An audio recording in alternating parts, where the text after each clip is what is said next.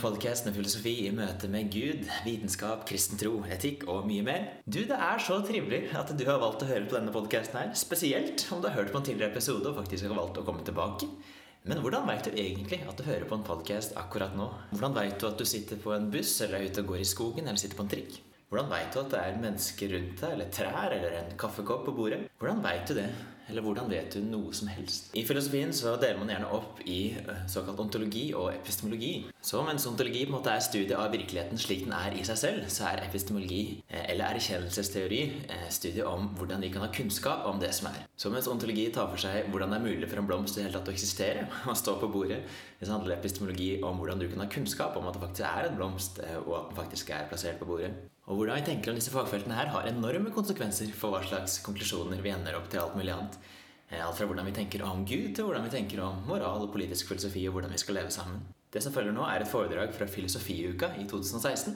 Lyden her er egentlig tatt fra en video, så hvis du har tid, så anbefaler jeg egentlig å bare se den i sin helhet. og Da er det bare å søke inn samme navnet på YouTube, eller se eh, i notater til denne episoden her. For da er det også en del slides eh, og andre ting som du får med deg. Eh, Filosofiuka er et eh, arrangement som vi har hvert eneste år, hvor vi rett og slett tar med oss en gjeng med unge voksne, reiser ut i naturen, tar med oss noen kloke folk til å undervise. En uke med veldig god undervisning, god mat, eh, gode samtaler, lange lunsjer og samtaler langt på natt. Nye bekjentskaper, veldig lite teknologi. Og det er veldig mange som syns det er en fingre, og det er veldig mange som kommer igjen. Så det er jo veldig trivelig. Filosofika er første uka i august, og påmeldinga for Filosofiuka 2018 den åpner snart. Så hvis du har lyst til å vite mer om det, så kan du gå inn på Facebook, søke på Filosofiuka 2018, eller gå inn på skaperkraft.no slash arrangementer. Tilbakemeldinger, kritikk, spørsmål og kommentarer kan du sende til mail at danieljoakim.org, eller ta kontakt på Facebook. Og i notaten under podcast-episoden vil du også finne linker til Filosofika 2018, slik at du får svar på alle de spørsmålene du må ta. Så I denne episoden så får du høre litt mer om de ulike teoriene som har vært hvordan mennesket i det hele tatt kan vite. Blant annet så kommer du til å høre om Descartes sitt kjente tankeeksperiment. Eh, og hvis ikke det er partytriks til neste gang du er på fest, så vet ikke jeg. Så nå får du høre hvordan vet du det?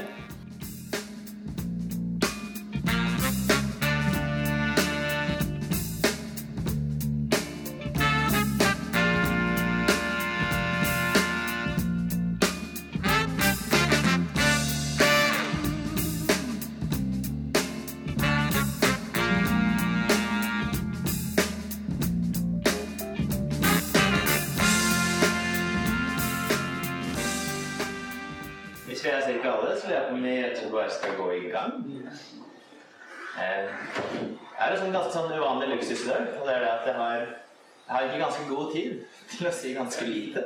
Det som er egentlig ganske sånn, det er stikk motsatt av det jeg pleier. Eh, hvor jeg kanskje liksom slipper til igjen 20-30 minutter, og så er egentlig manus som tilsier halvannen time. Og da, da, er det gjerne noe som bare Da er det min strategi å løse det og tenke at ja, da, da prater jeg bare dobbelt så kjapt. Fint. Eh, men allikevel så hender det da som ja, f.eks. på Eggy i Bergen at uh, Andreas setter ned foten til slutt og rett og slett ikke lar meg fullføre manuset mitt. Og det fins ikke noe verre enn det. Så grovt sett så er det egentlig bare noen ganske få punkter som, som, vi skal gjennom. Og så er det egentlig litt dere som da Dere som styrer da hvor lang tid det her tar, og hvor på en måte samtalen går. Jeg skal stille dere en del spørsmål og få deres input på ulike ting. Så tittelen på seminaret er 'Hvordan vet du det?' Introduksjon i epistemologi. Og jeg kan jo starte, starte med å spørre dere at uh, har dere noen ting dere tenker at dere vet, som dere vet ganske sikkert? Hva slags type ting tenker dere at dere vet ganske sikkert? Eh, logikk fungerer. Logikk fungerer? Eh, hva mener du når du mener logikk? Eh, logiske sammensetninger. Ja, sånn deduktiv, ja. At Sokrates er en annen. Alle mennesker er Sokrates er et menneske. Alle mennesker er dødelige. Derfor må Sokrates være dødelig. At det er en ting som følger med bestemmende nødvendighet. ja. Men før det så må du da vite, vite et par ting. F.eks. vite at Sokrates er et menneske. Vanskelig nok i seg selv. Eller at alle mennesker er dødelige. Hvordan kan man vite det? Man, man har jo ikke erfart alle mennesker. Det finnes mange mennesker som ennå ikke har dødd. Åssen veit vi egentlig at alle mennesker er døde? Som vanlig eksempel som folk pleier å bruke, er at det, tidligere så brukte man sånne påstander som ja, men når man måtte hadde en innføring i epistemologi i, eh, i middelalderen, så brukte man kanskje sånne eksempler som at ja, men alle svaner er hvite. Og så skjedde det uheldig etter hvert at uh, man oppdaget Australia, og der var det sorte svaner. Så hvordan alle kan man vite at alle svaner er viktige, dersom man ikke faktisk har, um, har observert eller kjenner til hver enkelt svane? Jeg tenker det måtte være et moteksempel. Er det noen andre type ting dere tenker at dere vet ganske sikkert? Andreas? Vi får noe slags input som vi kan forholde oss til. Ja. Åssen Hvordan får du den type input? Hvordan vi får det? Gjennom sansene. Mm. Tenker du, at du, tenker du at du kan stole på alt sansen vil forteller? Nei. Nei. Men jeg vet i at jeg får input. Det er et utgangspunkt for å forholde seg til det. Hvordan tenker du at man skiller mellom det man kan stole på og det man ikke kan stole på? Det håper jeg ikke skal løse. Hvis jeg kunne løst det, så hadde jeg hatt en nobelpris i filosofi for lenge siden. Jeg hadde oppretta en nobelpris i filosofi bare for det. Men hva slags andre type ting? Hva, hva er det du tenker at eh, dette på en måte, dette tror jeg, men det er egentlig ikke noe ting jeg Det er ikke noe jeg hadde stått fram i en rettssal og sagt. Det er ikke noe jeg hadde sverga livet mitt på. Sånne ting du på en måte Ja, jeg tenker at det er sånn, men eh, jeg måte åpen for å bli motbevist, eller er åpen for å få moderert det. Hva slags type ting er det?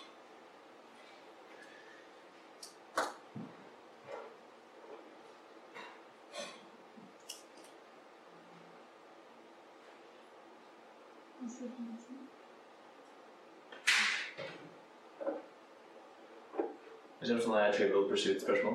Eh, ofte så svarer du på de, og så tenker du sånn at ja, jeg har ganske god på å svare. Eh, men så viser det seg at eh, etter å ha svart, så kanskje det er feil. Det er liksom de tingene du tenkte du visste, de visste du ikke allikevel. Eh, hva er hovedstaden i Liberia? Hvem, vant, vant gull på femmila i, i? Eh, sånne ting som vi kanskje ja, måtte være en sånn anelse. Det var sånn vag visshet, men det er mye mer sånn diffust, det er mye mer langt ute. Eh, De første jeg skal gå gjennom, er uten å prate bare forklare hva, hva, er, hva snakker jeg egentlig om når vi prater om epistemologi. Er rett og bare fire punkter. Nummer én skildrer til kunnskap. Eksempel sanser, som eh, Andreas pratet om. Vi skal prate om Descartes sitt eh, tankeeksperiment. Det er egentlig ganske bra når man har en sånn type introduksjon, for Descartes markerer på en måte sånn tydelig før- og etterskille eh, i filosofihistorien, som gjør det veldig nyttig å prate om disse tingene. Eh, går hva, vil det egentlig si? og Hva er kunnskap, eller hva vil egentlig si å vite noe? Eh, Til slutt at vi da ser på ulike måter man kan bygge opp kunnskapen sin på. Altså Bygger man liksom all kunnskapen sin sånn her bare opp, eller uh, må du kanskje anta visse ting før du i det hele tatt kan begynne å ha kunnskap? Man har på en måte ulike tilnærminger til det. Noen, noen tenker at jeg må finne et eller annet sånn solid fundament som jeg kan bygge all kunnskapen min på. Uh, Det er som sånn du bygger et overbygg, bygger et hus oppå et fundament. Eh, Mens andre tenker liksom at ja, men, eh, du blir på en måte bare kasta ut og må anta visse ting. Eksempel som Ragnar prater om, at eh, du må anta at det fins et logos. Eller du må anta at uh, logos er en person. Eller du må anta, anta visse ting. Du tenker at naturen vi erfarer omkring oss, den gir bare mening dersom vi, dersom vi starter med, med et slags type rammeverk. Ja. Epistemologi det er jo rett og slett eh, feltet som måtte studerer hvordan mennesker kan skaffe seg kunnskap. Og epistemologi er jo et ganske sånn stort og stygt ord. Som du stort sett gjerne bare hører filosofer bruke. Jeg bruker ikke så mye av det i dagligtalen, men det er ganske intuitivt når vi skjønner på en måte hva det betyr. Og det er bare noe slikt som, eh, som studie av rettferdig og tro, eller studie av, studie av kunnskap. Eh, her er et par definisjoner. Altså the theory of the origination limits of knowledge. Ikke bare hva kunnskap er, men også vite hva er våre begrensninger. At ikke vi begynner å uttale oss om alt mulig som vi egentlig ikke kan vite noe om. Er ikke det, er ikke det ganske uredelig? Å late som du vet ting som du egentlig ikke vet. Eh, Ellers er det en annen litt uh, lengre definisjon her, som er that part of philosophy which in the first place describes analysis, examines genetically the facts of knowledge as such, uh, and then tests chiefly the value of knowledge of its various kinds, its conditions of validity, range and limits. Må du både kunnskap ned og måtte teste hvor, hvordan holder dette her, da.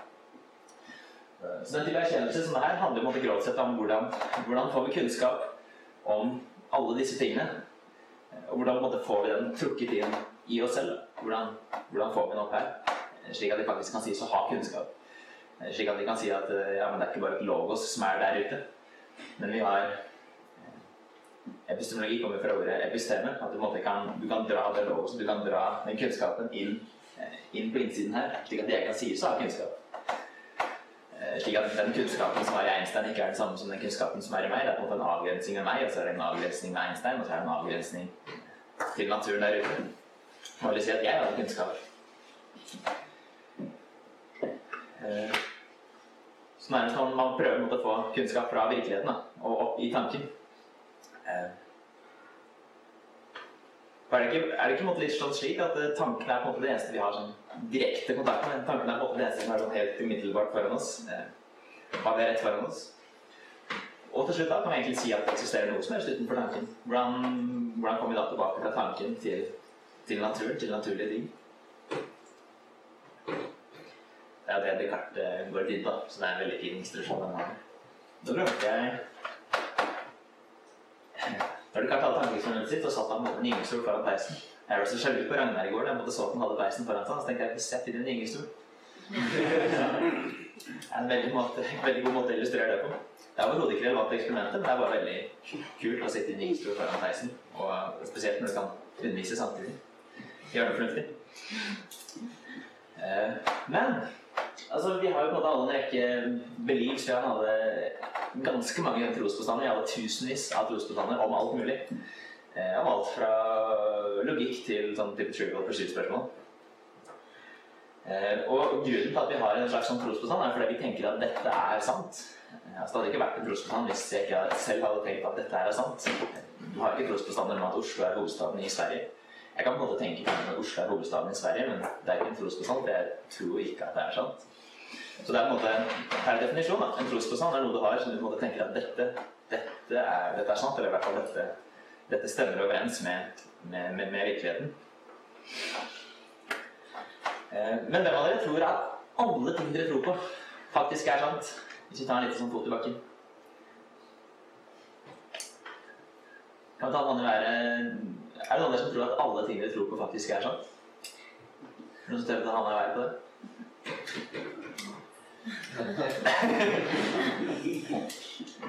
ja, du tenker det? Ja. Eh, Hvordan kan du begrunne det?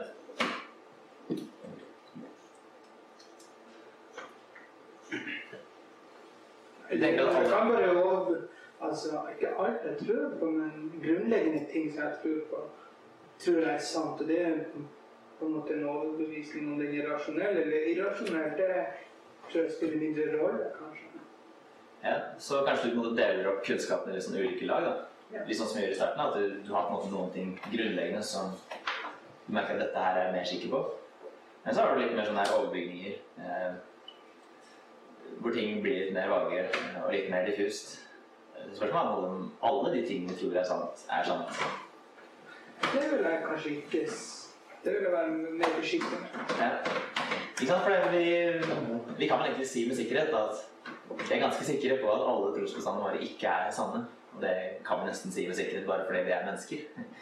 Og fordi vi har erfaring på at ting vi trodde var sanne. Vi har, vi har så sykt mange erfaringer på ting vi tidligere har trodd er sant, eh, hvor du måtte bare da bli konfrontert med at ja, men det var ikke slik. Som i hvert trivial pursuit-spørsmål hvor du hvor du trodde at eh, Rio de Janeiro var hovedstaden i Brasil. Så blir du konfrontert med det, men det er, feil, det var Brasilia. ja. Hvor du da finner ut at trosbestanden din var feil, eh, og da må du justere. Justere etter det. Du må, du må få nye trosoppfatninger som mener at dette, disse her tror jeg heller er sanne. Og så er det liksom forskjell på disse perifere påstandene. At, at eh, Brasil har en annen hovedstad enn jeg trodde. Det, det rokker liksom ikke ved mitt liv. Det rokker liksom ikke ved mitt fundament. Men så er det på det andre litt mer sånn grunnleggende ting. Som eksempel sånne ting som eh, Ja, eksisterer det en gud? Sånne ting som gjerne har ganske stor innvirkning for det levde livet vårt. Eller har vi fri vilje? Hvis jeg plutselig går overbevist om at jeg har ikke fri vilje, så rokker det ganske kraftig på mye av, mye av fundamentet, kan du si. Så gjerne de tingene som er mer grunnleggende, har vi gjerne da mye vanskeligere for å forandre på. Da går vi i hvert fall gjerne gjennom en lengre prosess. Eh, Så mens jeg kan, mens jeg kan bytte på hovedstaden i Brasil på en måte sånn, for det, det er på en måte så, det er så langt oppe, det er på en måte andre ting som hvis en ateist kommer til å tro at det eksisterer en gud, eller hvis en kristen kommer til å tro at det ikke eksisterer en gud, så er det gjerne en mer sånn lang eh, prosess som involverer hele mennesket. Så hvis vi vet at vi har en haugevis av trosplaner eh, Vi vet samtidig med ganske stor sikkerhet at mange av de er falske, for det, all erfaring tilsier at eh, de er det. Hvordan vet vi på en måte da hvilken vi kan, hvilken vi kan trekke ut og på en måte stole på, og hvilken vi på en måte må sette litt til side?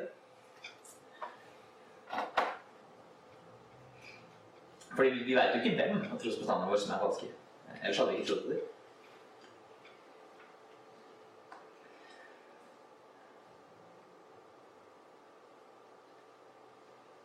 Så hvis ikke vi kan skjelne forskjellen mellom, disse tingene, her, hva skal da til for at i hvert fall min trosbestander er rettferdiggjorte?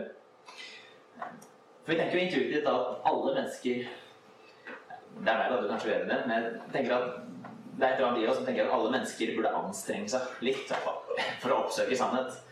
Eh, Du tenker at det er, det er noe uredelig ved et menneske som ikke i hvert fall begrunner noen av tingene sine. Hvis du sitter og prater med en person som tenker at jeg Jeg tenker at det, eller jeg tror at månen er en grønn ost, og så måtte jeg spørre ham hvorfor. Jeg bare, jeg bare liker å tro på det. Jeg tenker at ja, men er ikke det litt uredelig, da? Altså, ingenting, ingenting blir jo sant bare fordi man liker å tro på det. Så vi tenker mot intuitivt at mennesker i hvert fall burde anstrenge seg litt for å oppsøke det som er sant. Eh, For eksempel at naboen tror at jorda er flat, det tenker liksom at det, det, er, det er litt fjollete. Fordi det skal jo på en måte ikke så mye til for å finne ut at den ikke er det. Eh, Den, den kunnskapen fra han er ganske lett tilgjengelig. Altså, han kan gjøre veldig mye. Han kan lese masse på nett. Han kan, eh, han kan se på bilder som er tatt fra rommet. Han kan høre på vitnesbyrd fra mennesker som har eh, mennesker som har mennesker som har peiling på det her, og selv kan være ute og måle. Man kan se at det finnes flyreiser som reiser jorda rundt. Man kan se at det finnes flyreiser både fra Europa til Amerika på den ene sida, og så er det flyreiser fra Asia til Amerika på den andre sida. Så det er liksom, hvis jorda er flat, hvordan, hvordan henger sånne ting sammen? Eh, Du har ganske mye sånne data da, som gjør at du kan eh, egentlig få avkrefta at jorda er flat ganske fort. Og du kan til og med se hvis du, hvis du står utenfor et stort landskap, eh, så ser du på en måte at eh, så ser du gjerne helt ytterst i horisonten, så ser du på en måte at jorda krummer litt. Grann. Eh, og det oppdaga også de gamle grekerne eh, lenge før Kristus, at når de, når de var på sjøreise eksempel, og det bare var blått hav rundt dem, så kunne de gå opp i den der eh, utkikksposten, og så så på en måte det at jorda krumma, slik at til og med de gamle grekerne hadde en ganske god forståelse at jorda var rund. Uh, ja. Så til naboen vår som måtte tenke at jorda er flat, så vi bebreider ham litt fordi vi tenker at han burde, han burde visst det. Men så er det noen andre ting. For eksempel tenk at broren min tenkte at uh, i fotball-EM så kom England til å slå Island. Eh, eller han tenkte kanskje at Sydney var hovedstaden i Australia. Så virker det måte ikke like fjollete da, som denne, denne naboen som trodde at jorda var flat. Fordi England hadde jo på en måte, de hadde bedre enkeltspillere, de hadde mer erfaring. Eh, Og i tillegg hadde Sydney måte med sin størrelse og plassering og med, eh, med sin berømmelse Det en måte som et mer naturlig valg da, for, en, for et slags sånn knutepunkt enn det Australia. Eh, Så vi tenker at eh, broren vår hadde på en måte gode grunner for å tenke slik som han gjorde. Selv om det til slutt var feil. Men i hvert fall hadde gode grunner til å tenke som han gjorde, og det kan vi måte akseptere. Han hadde grunner som han kan artikulere, og som vi kan forstå og akseptere. Der han måtte stå og argumentere for hvorfor han tenkte at England kom til å slå Island, eller hvorfor Sydney var hovedstaden i Australia. Eh, Ja, og for å gå videre, så I tillegg så virker det at vi kan ha en sånn ulik type kunnskap. Eh, I tillegg til at vi kan ha kunnskap om hvordan ting virkelig er, i tillegg til at vi kan ha kunnskap om virkeligheten som den er, så er det også en slags sånn type kunnskap om hvordan ting kunne ha vært. Eh, Vi har, med andre ord, vi har, vi har kunnskap om muligheter. Vi har, vi har kunnskap om ting som kan være i framtida. Vi har som, kunnskap om ting som ikke vi måte har direkte erfaring med. Altså, hvis du f.eks. kanskje har kunnskap om at du har en katt hjemme, hjemme i Oslo eller i Bergen eller i Volda eller i Tromsø, har du en katt, og den katten heter Mons, så har du kunnskap om det. Eh, men hvis jeg måtte spørre deg om ja, men hva, hva syns du om den katten som ligger på pianoet der borte? Eh, så, så er det naturligvis en katt der borte. Eh, ingen av dere snudde engang. Jeg ble litt skuffa over det. Sa den ikke overbevisende. Åh, veldig bra. Dårlig timing, men veldig bra. Så er det jo åpenbart ikke at det er borte på pianoet. Men det viktige er at alle dere forsto alle dere forsto hva jeg sa. Setningen min ga mening. Eh, Setningen min, ga, setningen min hadde et logos, for å si det sånn. Eh, Fordi dere visste hva, dere visste hva jeg pratet om, dere, dere visste hva jeg snakka om. Jeg brukte på en måte sånne konsepter som katt. Eh, Dere kunne faktisk sikkert forestilt dere at det satt en katt bak pianoet der. Dere vet liksom at dere vet hvordan det kunne sett ut. Dere vet at det faktisk er en reell mulighet. Eh, Det er ikke noe sånn logisk selvmotsigende å si at det kan sitte en katt på pianoet borte. Så det er, en det er en beskrivelse av virkeligheten da, som verken er umulig eller som er selvmotsigende. Eh, Men hvordan, hvordan kunne setningen min da gitt mening dersom ikke vårt konsept om en katt hadde en slags sånn virkelig eksistens? Dersom ikke Når jeg eh, sier ordet katt, så er det et eller annet som gir mening til deg. Du skjønner, du skjønner hva jeg mener. Men at det da eksisterer på en litt annen måte enn den katta som faktisk eh, da ville vært på det pianoet der, hvis det hadde vært det. Så det vi, vi kan på en måte ha kunnskap om ulike sånne muligheter. Eh, Og det er jo sånne muligheter som får folk til å til slutt bare postulere noe slikt som mulige verdener. At vi må drive og prate om mulige verdener. Eh, Og noen tenker at denne type mulige verdener, at det finnes en mulig verden hvor det sitter en katt på det pianoet der akkurat nå, det er et slags sånn teoretisk begrep. Det gjør ofte matematikere. Men andre tenker at eh, hvis vi i det hele tatt skal kunne prate om muligheter, så må alle mulige verdener faktisk eksistere. Eh, Det er bra du som tar et sånn fot i, fot i bakken. Det er ganske crazy. Som Så måtte at, at, at, altså at det faktisk eksisterer verdener hvor alle muligheter går i oppfyllelse. eh, Nettopp fordi vi skal kunne prate om alle slags typer muligheter. For eksempel er det en kjent filosof som heter David Lewis, eh, som mener det. At alle mulige verdener faktisk eh, beskrev en skrev en bok av Possible Worlds eller noe sånt. Eh, Beskrev at alle muligheter faktisk måtte gå i oppfinnelse. Eh, I en eller annen type verden. Eh, Og Louis veit selv på en måte at dette her høres sinnssykt ut. Så klart. Han er jo Han er jo en fornuftig person som er i stand til å skrive bøker og slike ting. Men han har blitt pressa til å Han blir pressa til å presset til å si at han ser ikke noen annen type muligheter. Og han sier også at han, han, har, egentlig ikke hørt noen gode innvendinger mot det. Fordi på en måte, sjokkerte ansikt er ikke, det er ikke et argument mot det kreves noe mer. Så hvordan kan vi da prate om denne type muligheter? Eh, ting som kunne vært sant, men som ikke nødvendigvis er sant. eh, Dersom ikke disse mulighetene faktisk hadde hatt en slags ekte eksistens. Eh, Og Aristoteles, klassisk filosofi og Thomas Aquinas er en litt annen måte å løse slike muligheter på. Men hvis jeg skal prate om det på torsdag, så legger jeg den bare død der. rett og. Så vi har litt ulike kunnskap. Men hvor, hvor kommer kunnskapen vår fra? Du er den som sagt sansene. Så Ja. Eh,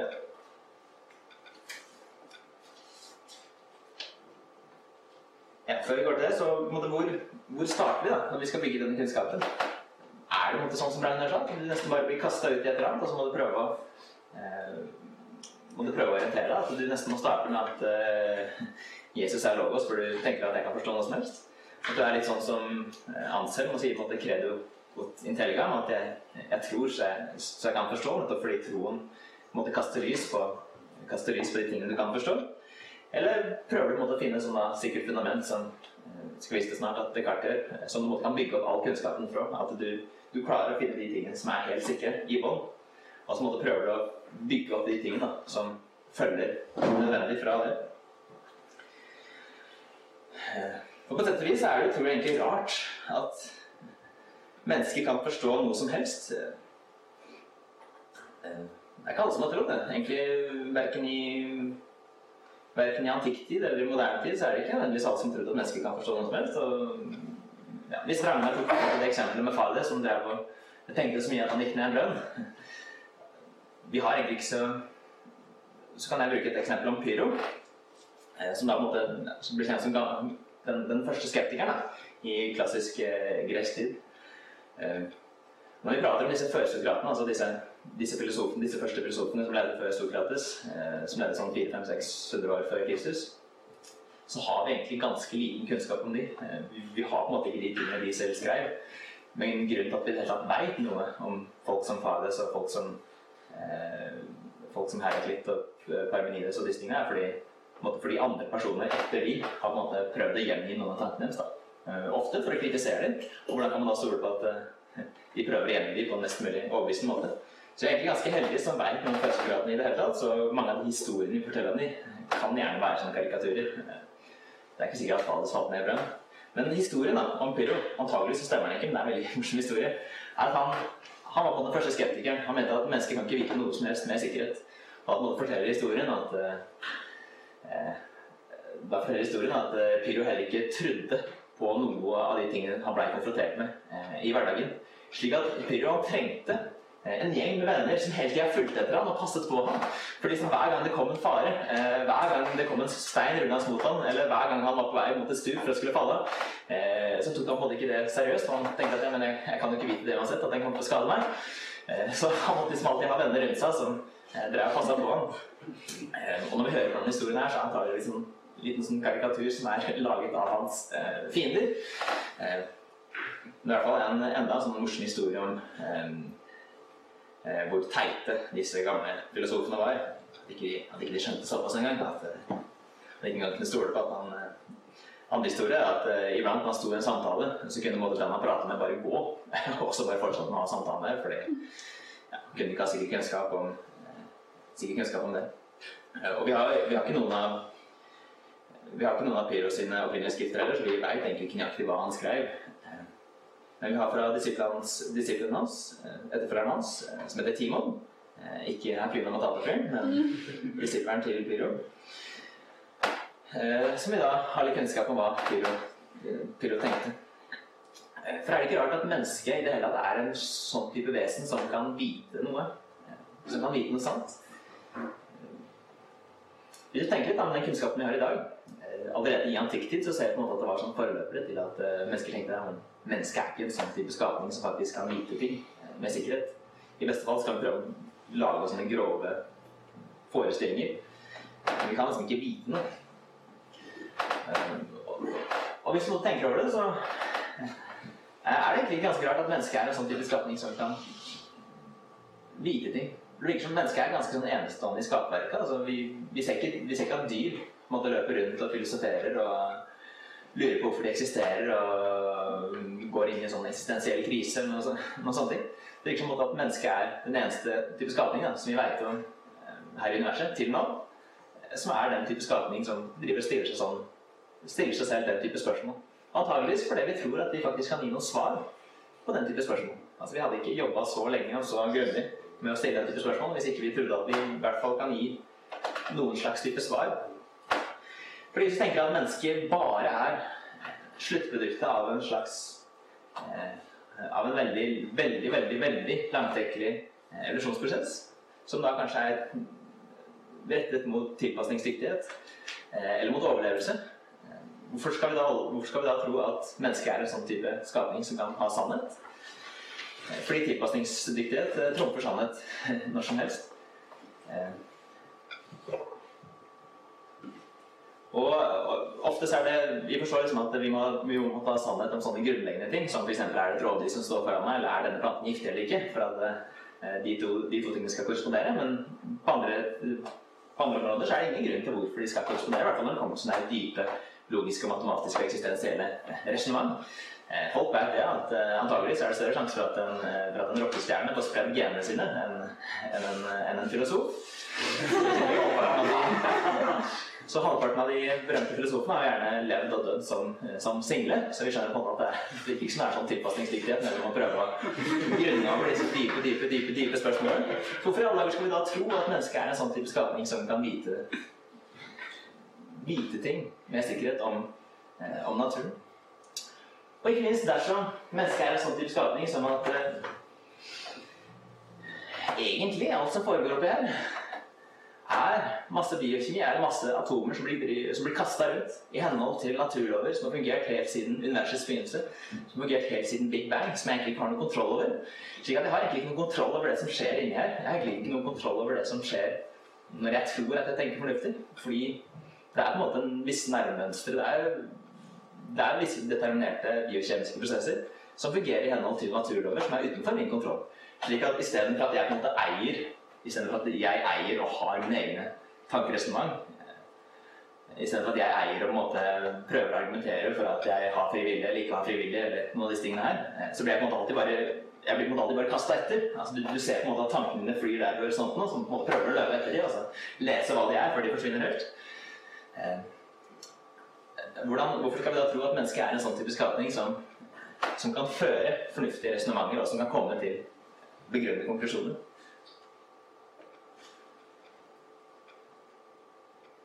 For det er folk som, det er folk som Pyro som mener at du ikke kan vite noe, noe med sikkerhet, og så er det litt mer moderne folk som da bruker denne biologiske kunnskapen.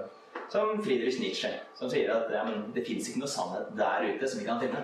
Men det beste vi har, er på en måte Det er ulike perspektiv. Altså jeg er et perspektiv, og du er et perspektiv. Jeg kan ikke si at det er en sannhet der ute og, eh, som vi begge prøver å finne, som kanskje jeg har funnet bedre enn deg. Eh, men det er ulike perspektiv.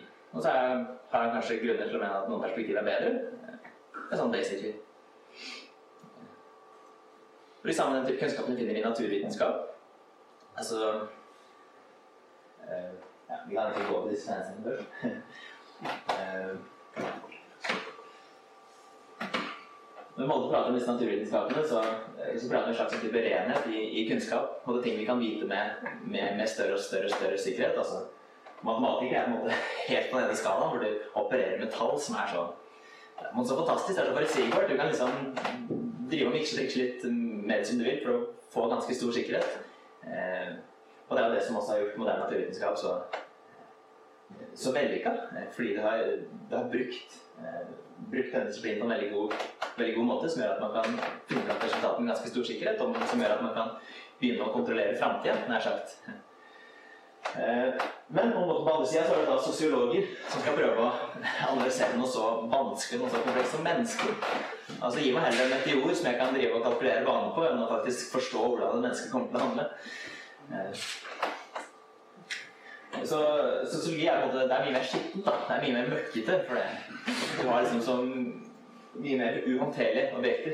Og så er det da en liten karikatur at du beveger deg fra, fra mer skitten til renere. Fra sosiologer til matematikere helt bortert. Eh, og så vil jo da selvfølgelig vi si som flinke filosofer og si er ja, alle disse på vårt arbeid fordi alle disse menneskene her tror at de veit ting. Bare en matematiker som tror at tall er noe han kan bruke til å komme fram til sannhet. Eh, han kunne ikke gjort den jobben hvis ikke vi på en måte hadde gjort forarbeidet ved å forberede hvordan man kan ha kunnskap i det hele tatt. Ja, så er det en liten vits til slutt for de spesielt uh, interesserte. Som er en liten ny Det er kiler med nerven og håper at alt Så ja, nihilister er de som tenker at ikke det er noen mening, og tenker at ikke det er noen sannhet å finne. Så de prøver å rive ned alle sammen. Elendige nihilister. Eh, det er det, litt av det naturvitenskap er. at man, man, finner en rekke datapunkter, og så prøver du å finne sånne overbygninger. Prøver å finne nesten teorier som passer med, eh, passer med eh, flest mulig av de, den type data. Og da kommer du med gode sammenhengende teorier. F.eks. at at det har skjedd en prosess med biologisk utvikling, som det evolusjonen er, er på en måte den teorien man tenker samler flest mulig datapunkter under seg selv, som gjør at den står ganske sterkt. Og så er det på en måte den grunnleggende teorien, og så er det selvfølgelig mye mer variasjoner på det, det spesifikke, akkurat hvordan disse mekanismene foregår for å dra den prosessen framover. Det er ganske stor uenighet om, og eh, med, med, med, god grunn. De som er mest spesialisert i den type feltet, som jobber med eh, zoologi og biologi, eh, de sitter med og har uenigheter om uhyre sånn, spesifikke ting eh, som vi kanskje ikke forstår engang. Eh, og samme, samme med det vi da kaller for Big Bang, standardmodellen. At man før tenkte at uh, universet var evig. Det var det som det var det som passa med flest av de dataene vi hadde eh, som mennesker. Men så kom man med stadig flere data til denne belgiske presten Lemetre eh, kom fram til det at Nei, det virker som at vi kan trace hele universet tilbake mot en begynnelse. Altså det, virker som at hele, det virker som at hele universet er som en slags sånn ballong. Eh, hvor på en måte alle himmellegemene driver og da sitter på denne ballonghinnen. Og det virker som at denne ballongen på en måte er i konstant eh, ekspansjon. At de, eh, de himmellegemene som er lengst vekk fra det vi tenker er sentrum, de beveger seg mye raskere eh, enn de som er eh, litt nærmere. Som gjør at vi kan dedusere oss fram til at ja, men hvis vi tar den kassetten og spoler den bakover, så kan vi komme tilbake da, til et sånn absolutt null- nullpunkt. Hvor alt har startet. Så da tenker man at akkurat nå så er på en måte Big Bang standardmodellen den, den teorien som favner flest mulig data. Men så finnes det også mange alternativer. Hvordan kan vi da tro på alle disse alternativene dersom de, dersom de byttes ut med jevne mellomrom? Eh, Thomas Kuhn prater om et paradigmeskifte. At eh, når noe skiftes, så må så nesten alt skiftes fordi alle ting henger sammen. Altså hvis du, hvis du bytter ut eh, hvis du bytter ut en liten del i en sånn type standardmodell eller en biologisk modell, så må du gjerne bytte ut hele rammeverket. slik at det er ikke bare én sånn liten forklaringsting innafor en teori som du skifter ut. men Kanskje må du plassere en måte en hel ny teori på toppen av det. Eh, ja, det ble ikke liten avstikker. Men ja, som sagt, kilder til kunnskap. Hvordan, hvordan, eh, hvordan, hvordan får vi den informasjonen som gjør at vi, vi, tror vi vet det vi?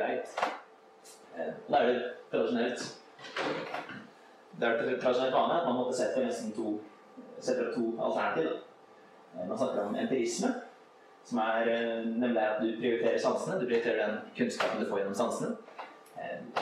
Gjennom eh, kanskje de mest grunnleggende sansene. De fem sansene syn, hørsel, lukt, smak og berøring. Så prater man ofte at det er, det er mange flere sanser. Det vet ikke jeg så mye om. At balanse og koordinering så mulighet til å orientere seg innenfor tid og rom er på en måte egne sanser, det også. Men i vi kjenner disse fem sansene her godt. At måte, det er det vi skal prioritere, den kunnskapen vi får gjennom de fem sansene. Eh, mot så har du på en måte andre siden, så har du rasjonalisme, som da på en måte prioriterer intellektet. Og det er også en diskusjon som måtte gå tilbake til som går tilbake til klassisk filosofi, egentlig. Altså, alt vi nesten diskuterer i dag, er bare sånn her rehash. Det er bare ting som de egentlig diskuterte i klassisk filosofi, men så bruker vi bare et annerledes språk i dag. Så jeg vil si at selv, selv den diskusjonen vi har i dag mellom ateisme og teisme, er stort sett bare en rehash av eh, diskusjonen som foregikk for 2500 år siden. Vi bare bruker litt oppdatert språk og later som at vi har oppdaget noe som gjør at diskusjonen blir radikalt annerledes. Men vi prøver på en måte å forstå disse forutgående prinsippene for hvordan virkeligheten fungerer. Altså alt, det vi bygger alt annet på.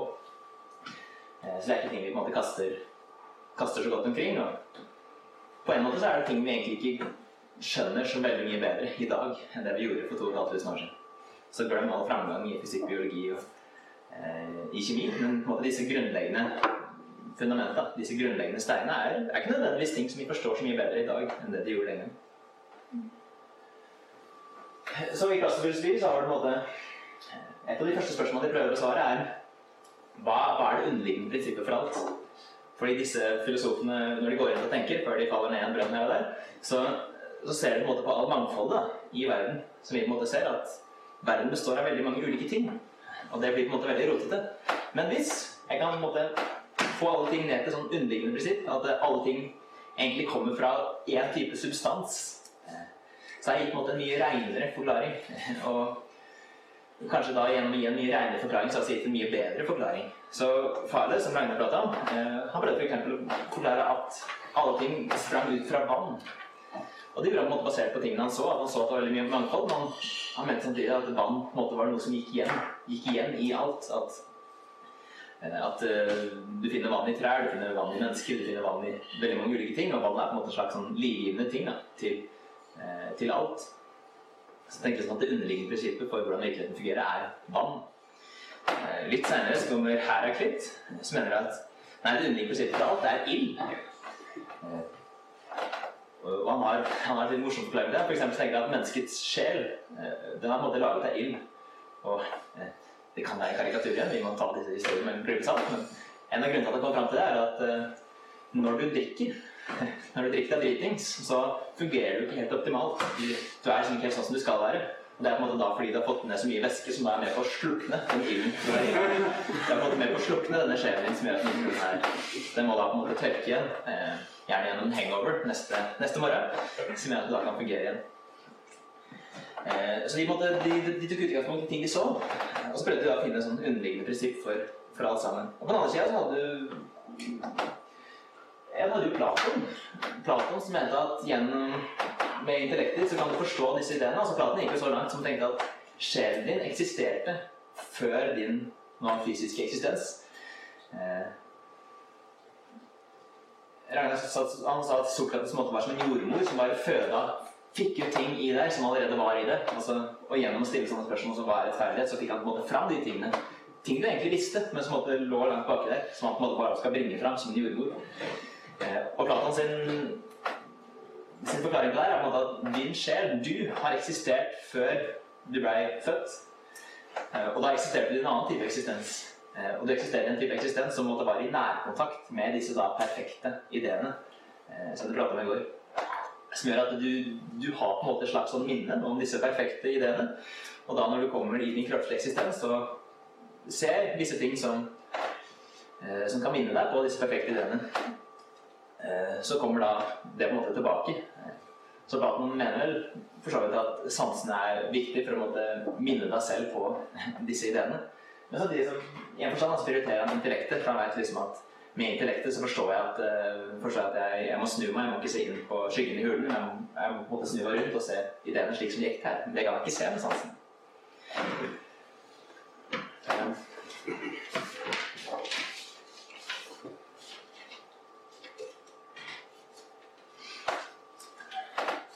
Ja, og Pythagoras Nei, du sa det? Ja, jeg bare lurer på når du sier prioriterer sansene prioriterer hva legger du på en måte i det? At man, man vil bruke intellektet også i empirisme, men sansene vil eller i sansene vil overgå eller trumfe, eller Eller hva mener du med ordet prioritere? Ja. Bruker egentlig ordet prioritere for å være kanskje litt urettferdig, men jeg gjorde det nesten for å være litt vag. Fordi Ja. det er så enormt stort mangfold innenfor empirisme, og det er så utrolig stort mangfold innenfor rasjonalisme. Ja. Eh, som gjør at du finner måte de empiristene som kan bruke begge deler, men som da legger mest vekt på sansene. Ja. Men så finner du andre som nesten er empirisene i forstand at du bare kan bruke sansene. Ja. Litt mer sånn som David Hume Mm. eh, og sånt, som er kjente moderne empiristen. At du, du, du tror nesten på ting du ikke har direkte sanseerfaring med. Da. Han tror ikke f.eks. på at årsaker forårsaker effekter, fordi han ser på at aldri at de forårsaker. Han ser bare Mm. alltid at to ting etterfølger hverandre. Så eh, hvis jeg kaster en murstein mot en rute, så ser jeg på en måte bare to ulike events. Jeg ser mursteinen blir kasta, og så ser jeg etterpå at eh, glasset knuser. Eh, men jeg ser aldri at mursteinen eh, jeg ser aldri at mursteinen forårsaker at den ruta blir knust. Eh, Det er ikke en sansedata jeg kan Det er ikke en sånn type sansedata jeg kan ha. Så selvfølgelig var jo ikke gal. Han, han, han tenkte på en måte at det, det, er en, det er en sammenheng mellom de to. Han mente at det er på en måte ikke noe du kan ha sikker viten om. Da, i den forstand. Eh, Også for Flanerius så finner sånne folk som Pythagoras. Eh, Pythagoras, som du kanskje kjenner fra Pythagoras teorem. Eh, Vi vet egentlig veldig lite om Pythagoras selv, vi vet at det var en hel gjeng med av disiplene som vi kaller for Pythagoraserne, eller the Pythagoreans. Så jeg vet på om ganske mye av filosofien av eh, at de da finner ut disse teoremene eh, om, eh, om hypotenuser og kateter, som gjerne da har tillagt Pythagoras, men som egentlig tilhørte nesten hele denne bevegelsen, the Pythagoreans. Og disse pythagorerne, de var det var egentlig en ganske sånn religiøs bevegelse som var veldig fascinert av tall. Forstår det, for det var jo stort sett det de holdt med. Som da, mente, som da kom fram til den konklusjonen at tall er det underliggende prinsippet for all virkelighet.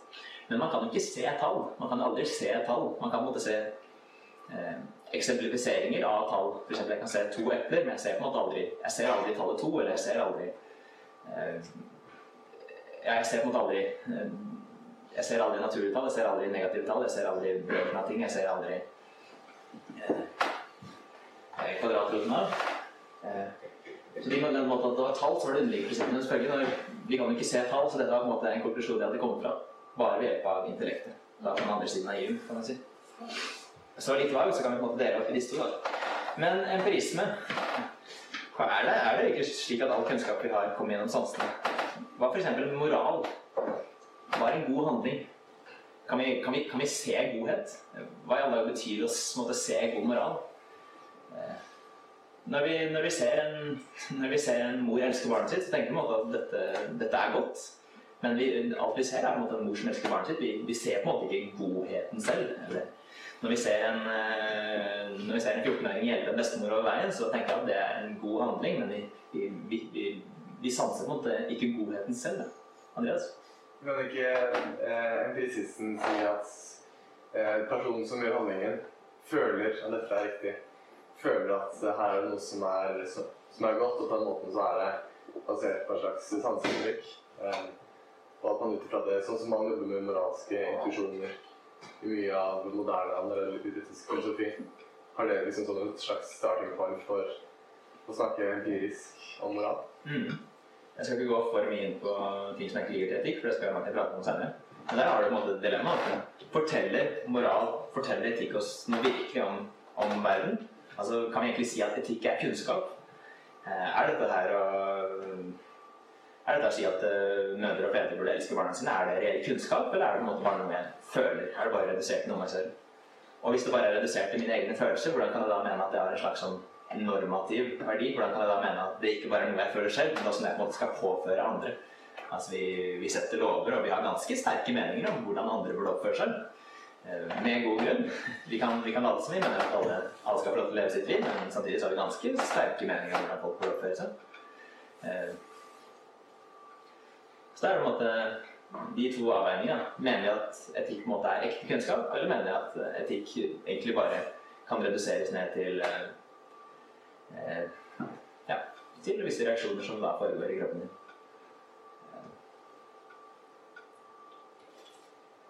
Og sånne ting som logikk og matematikk. Vi, vi, ser ikke en, vi ser ikke en logisk syllogisme. Vi ser ikke denne syllogismen som fører til at Sokrates er dødelig. Men allikevel så er det en, det er en slags sånn måte vi utleder kunnskap på. Og vi ser ikke tall, men allikevel så funker matematikk utrolig bra. Og ikke minst eh, hvordan i alle dager skal vi tolke sanseinntrykkene våre. Det virker som en sånn slags sånn ekstra empirisk, eh, eh, søknad. Det er veldig forskjell på ulike typer som jeg sa, det er veldig forskjell på ulike typer empirisme. Det er veldig forskjell for på klassisk empirisme da med Aristoteles, som tenker at verden er i utgangspunktet ganske lik slik jeg oppfatter den. Eh, At det er på en måte et tre der, og det er et menneske der, og det er en stol der. Til en moderne empirist som kanskje vil tolke disse sansedyktene på ganske annerledes måter. Men kanskje på en måte vil henge empirisme sammen da med moderne naturvitenskap. og ikke nøye seg med å si at verden er stort sett slik vi oppfatter den, mens den anstrenger seg for å finne ut at verden ikke er slik vi oppfatter den. Eh, Ved å si at eh, ja, det er kanskje tre et menneske og en stol, men egentlig så vet jeg jo, fordi eh, teknologiske utviklinger har gjort, at, gjort oss i stand til å oppdage at eh, det eksisterer, det systemet noen fundamentalpartikler som ligger til grunn for alle disse tingene her. Så ok, det er tre, det er et menneske, det er en stol, men det er på en måte noe jeg kaller det, for jeg prøver å gi sammenheng til meg selv. Men egentlig så er det bare en samling med eh, en samling med fundamentalpartikler. En samling med ja, atomer eller kvarker og leptoner der, og så er det en samling med fundamentalpartikler der, og så er det en samling med fundamentalpartikler der. slik at eh, Den type sånn common sense, sunn fornuft-empirisme, som da var dominerende før Descartes i, i den klassiske skolen med Aristoteles og Akinas, den, den ser veldig annerledes ut enn den type moderne empirisme. Så eksempel Paul, Paul, eh, Paul Feyerabend, eh, en ganske kjent moderne vitenskapsfilosof, sa på en måte at eh, Jeg er jo aristotelisk selv, så her er jeg på en måte ganske biased. Man sier på en måte at aristotelisk empirisme er den eneste empirismen som virkelig kan sies å være rasjonell og gi sammenheng til sanseinntrykkene vi har. Eh, Kontra den moderne empirismen da, som vil gjerne prøve å omforklare de tingene vi oppfatter.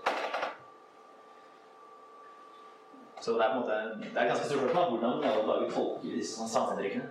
Som gjør at det er veldig vanskelig å gå på sanseinntrykk alene, fordi du må liksom drive og operere, sjonglere med konsepter og eh, andre ting her etter hvert. Eh, hadde du om det. Ja, eller det var litt det du sa, egentlig bare. At eh, persepsjon på en måte og sansing, eller våre Hvordan vi tolker sanseinntrykkene, vil jo være veldig individuelt. Mm. Så hvordan kan man da sammen komme fram til en til kunnskap, da? Hvis man er sånn ren empirist, på en måte. Fordi jeg vil se noe, og så har jeg så vil jeg se det på en måte som andre ikke Eller jeg vil, man vil tolke sanseinntrykk ulikt. Ja. Det er jo litt av det prosjektet moderne naturvitenskap er. Å samle, samle sanseinntrykk eh, og prøve å gjøre det så allment at det nesten blir eh, universelt og noe vi kan kalle for objektivt. Eh, Friedrich Nietzsche han sier at alt er egentlig bare perspektiv. Du har bare mitt perspektiv og ditt perspektiv. Sier fremdeles sånne ting som at ja, men kanskje noe av det beste vi kan gjøre, er å samle flest mulig perspektiv til noe vi nesten kan kalle til kunnskap. Det vil si at hvis, hvis vi samler oss ti mennesker, og så deler jeg mitt perspektiv, og så finner vi ut at det er, det er, det er sju andre der som har det samme perspektivet, så ser vi at åtte, av ti har det perspektivet, eh, som gjør at vi nesten kan kalle det kunnskap, for det, er noe som deles av så mange. Så det er jo noe av det man på en måte prøver å gjøre med kunnskapsdeling. Eh, Ja. Og på den andre så har vi rasjonalisme, som legger vekt på intellektet, men er det ikke åpenbart at mye av det vi vet, kunne vi ikke visst uten å bruke sansene først. Og spørsmålet som Susanne har pratet om, er på må, må vi velge mellom disse, og egentlig, hva, hva kommer først? Hvor, hvor starter vi?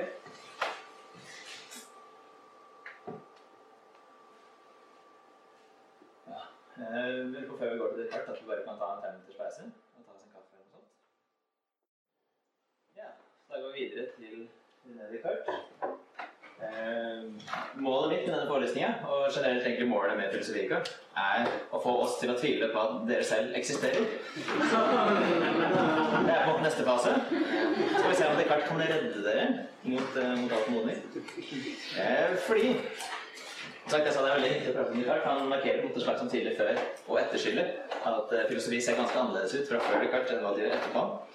Eh, det Descartes gjør, eh, med at sånn Jeg er på en måte en aristoteliker, og eh, en av Descartes' sine prosjekter er på en måte å, å, å rive ned denne aristotelismen som da har preget, eh, preget Europa i 2000 år. Eh, så jeg er på en måte litt sånn jeg er litt da sånn fiendtlig til eh, Descartes. Eh, jeg skal prøve å vite med rettferdighet allikevel, men jeg kan måtte avsløre det fra starten av at jeg kommer til å være sånn ekstra fiendtlig mot han, så gjerne være litt ekstra kritisk mot meg også da. Eh, og det første jeg kan gjøre er at jeg har laget jeg kom til et bilde av Richard med solbriller.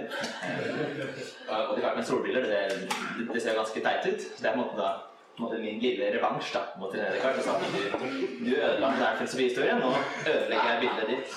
Skal gi deg solbriller.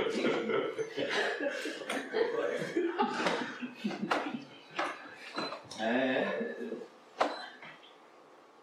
ja. Så hans sitt prosjekt, det, de klart alltid lurer på, han er jo på en måte Han er en eh, katolsk matematiker som da lever på starten av 1600-tallet. Og hans prosjekt er liksom at Europa er i utvikling, og det han ønsker å gjøre, er på en å bygge opp en ny type vitenskap. Eh, Men det han trenger før han gjør det, er at han trenger et sikkert, sikkert fundament. Eh, Han trenger på en måte noen steiner han veit han kan stå på. Eh, Fordi Descartes erfarer, som alle vi gjør, at mange av de tingene vi ofte tror på, og mange av de sanseinntrykkene vi har, mange av de tingene vi tenker, er de er falske. Eller så har vi ikke gode nok grunner til å, til å tenke som vi gjør.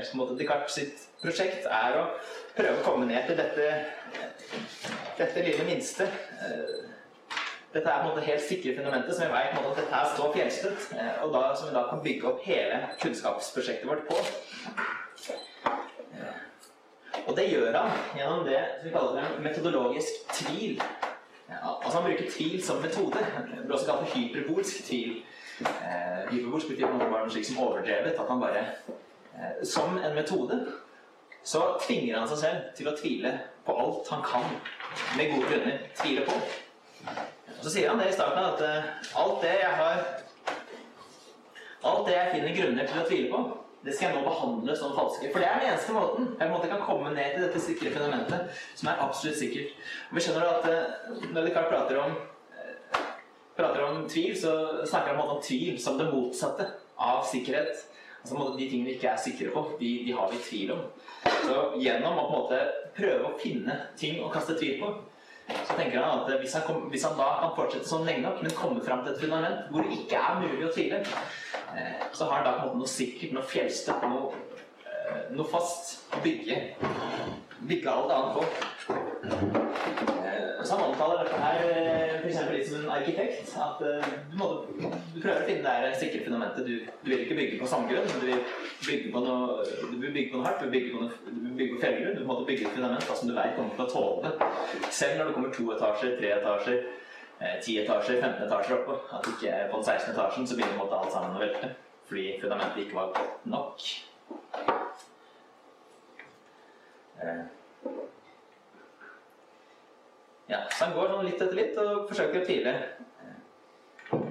Tviler ikke alle tingene han kan tvile på. Nesten trekke seg selv ut av den verden han trodde var sann.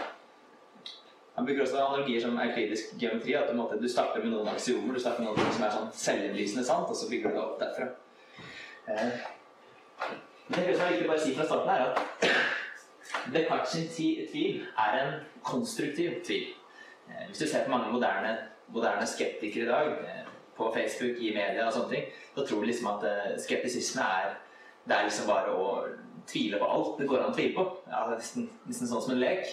Eh, hvis du måtte være på en fest og sier at du er filosof, så får du kanskje et par av disse folka som bare kommer liksom og spør sånn ja, men eh, hvordan vet du at noe eksisterer? Altså bare forskere stiller sånn spørsmål. Hvordan vet du det? Hvordan vet du det? Hvordan vet du det? Men hva hva er det? Altså, jeg oppfører det som, som en treåring som bare tviler liksom fordi det er en lek.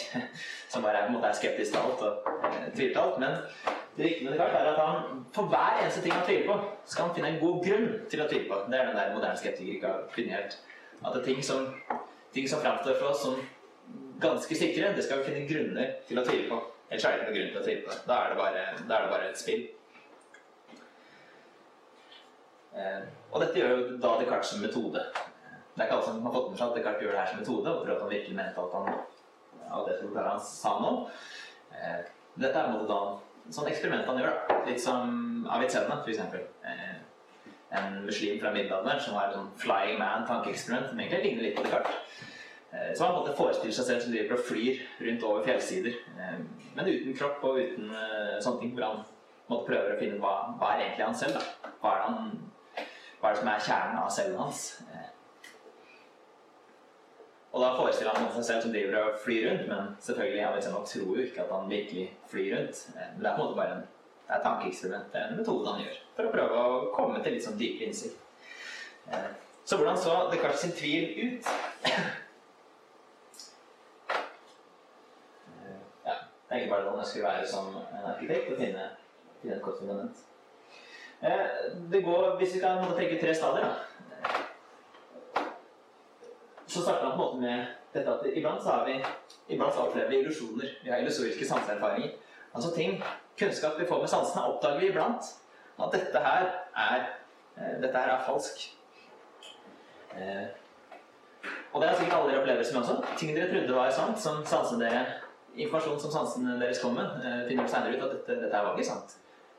Hvis du står og ser på et stå, Hvis du står mange hundre meter fra og ser på et firkantet tårn, så ser den kanskje rund ut eh, for deg. Eh, Men så går du nærmere og ser at den var firkanta, så da går du på aha, men sansene mine ga meg feil informasjon. Eller så kan det hende at eh, om kvelden så sitter du og kikker sånn opp, og så kikker du ned igjen, og så liksom tror du at du så et eller annet som du ikke så, og så liksom må du sjekke igjen, og så nei, det var ikke det likevel. Så, eh, ja, og med farger. Noen av dere har kanskje vært i butikken og kjøpt noen plagg, og da har jo på en måte klesbutikken helt bevisst brukt lys som får deg til å se best mulig ut, og så eh, kommer du hjem i det eh, egne kjedelige lyset du har på badet, og så tar du på deg klærne, og så er jo dette, dette var ikke like kult som det var i, som i klesbutikken. Jeg tror alle, alle som har hatt den type erfaringer, da, at eh, sanseinformasjonen vår var falsk. Så det er det de kan prate om, at jeg har erfaring at sansene gir feilaktig informasjon om virkeligheten. Og derfor kan det hende at sansene mine gir meg eh, feilaktig informasjon om virkeligheten akkurat nå. Og derfor er det grunn til å tvile på enkelte sanseinformasjoner mine. Eh. Så Descartes' prosjekt er på en måte litt som at han eh, han prøver å luke vekk alt han, så han prøver å luke vekk alt han kan eh, tvile på. Eh, Så da har vi på en måte den første steget. At han finner ut at noen av mine sanseinntrykk kan jeg tvile på. Fordi mange av sanseinntrykkene mine har jeg erfaring med at de, de har vært feil. Han selv bruker et uh, med, med en pinne i vann. At du har en rett pinne, eller du har en pinne som ser rett ut over vann, og så tar du den ned i vann, og så ser den bøyd ut. Den ser veldig bøyd ut. Og da er det på en måte to forklaringer på det. Enten så er det det at pinnen virkelig blir bøyd i vann. At det er et eller annet med den kjemiske komposisjonen til pinnen, eller til vannet, som gjør at den pinnen virkelig bøyer seg med en gang den treffer vann. Eller så er det da på en måte andre forklaringer, eh, som er at uh, sansene dine leverer deg med feilaktig informasjon. At en rett pinne ser bøyd ut. Det er på en måte Descartes av sin egen eh, sitt eget eksempel. Så er på spørsmålet mitt til dere at det gir dette her oss grunner til å kaste alle våre sanseinntrykk under tvil. Gjør dette her at vi har grunn nok til å ikke egentlig stole på noen av våre sanseinntrykk.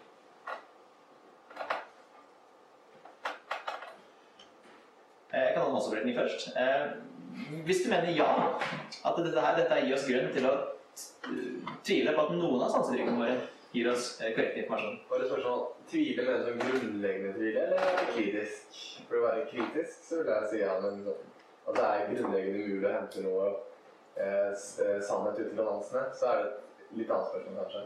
Ja, som jeg snakket om, som Descartes bruker jo ordet tvil som på en måte, antinomen, det motsatte av sikkerhet.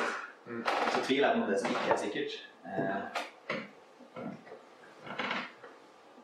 hvis jeg eksempel tror at Margrethe er på kjøkkenet akkurat nå, fordi jeg så henne, og hørte, så henne akkurat, og jeg hører kanskje en lyder der ute, så eh, vil det da være informasjon som jeg kan si med ganske stor sikkerhet, men som ikke jeg vet helt, for jeg kan jo ikke eh, Jeg ser henne ikke direkte akkurat nå. Så det er på en måte ting jeg kan tvile på. Men er det òg at hvis du ser henne, så må du tvile på om du faktisk ser henne? Ja, det, det, det kommer. Det kommer. Så eh, for de av dere som mener at denne type erfaringer gir oss grunn til å tvile på alle våre sanseerfaringer eh, Kan vi ikke ha den veien nå? Én. Og de som mener nei. Dette, dette her alene gir oss ikke grunn til å tvile på alle sanseinntrykkene våre. Kan dere ikke ha den veien nå? Det er egentlig et test for å se om alle tror dere ikke har den her. Dere er tre stykker som eh, Var det tre stykker som satt på benken her? Ja. Ja, eller, eh, det spørs jo litt hva man mener med virkelighet.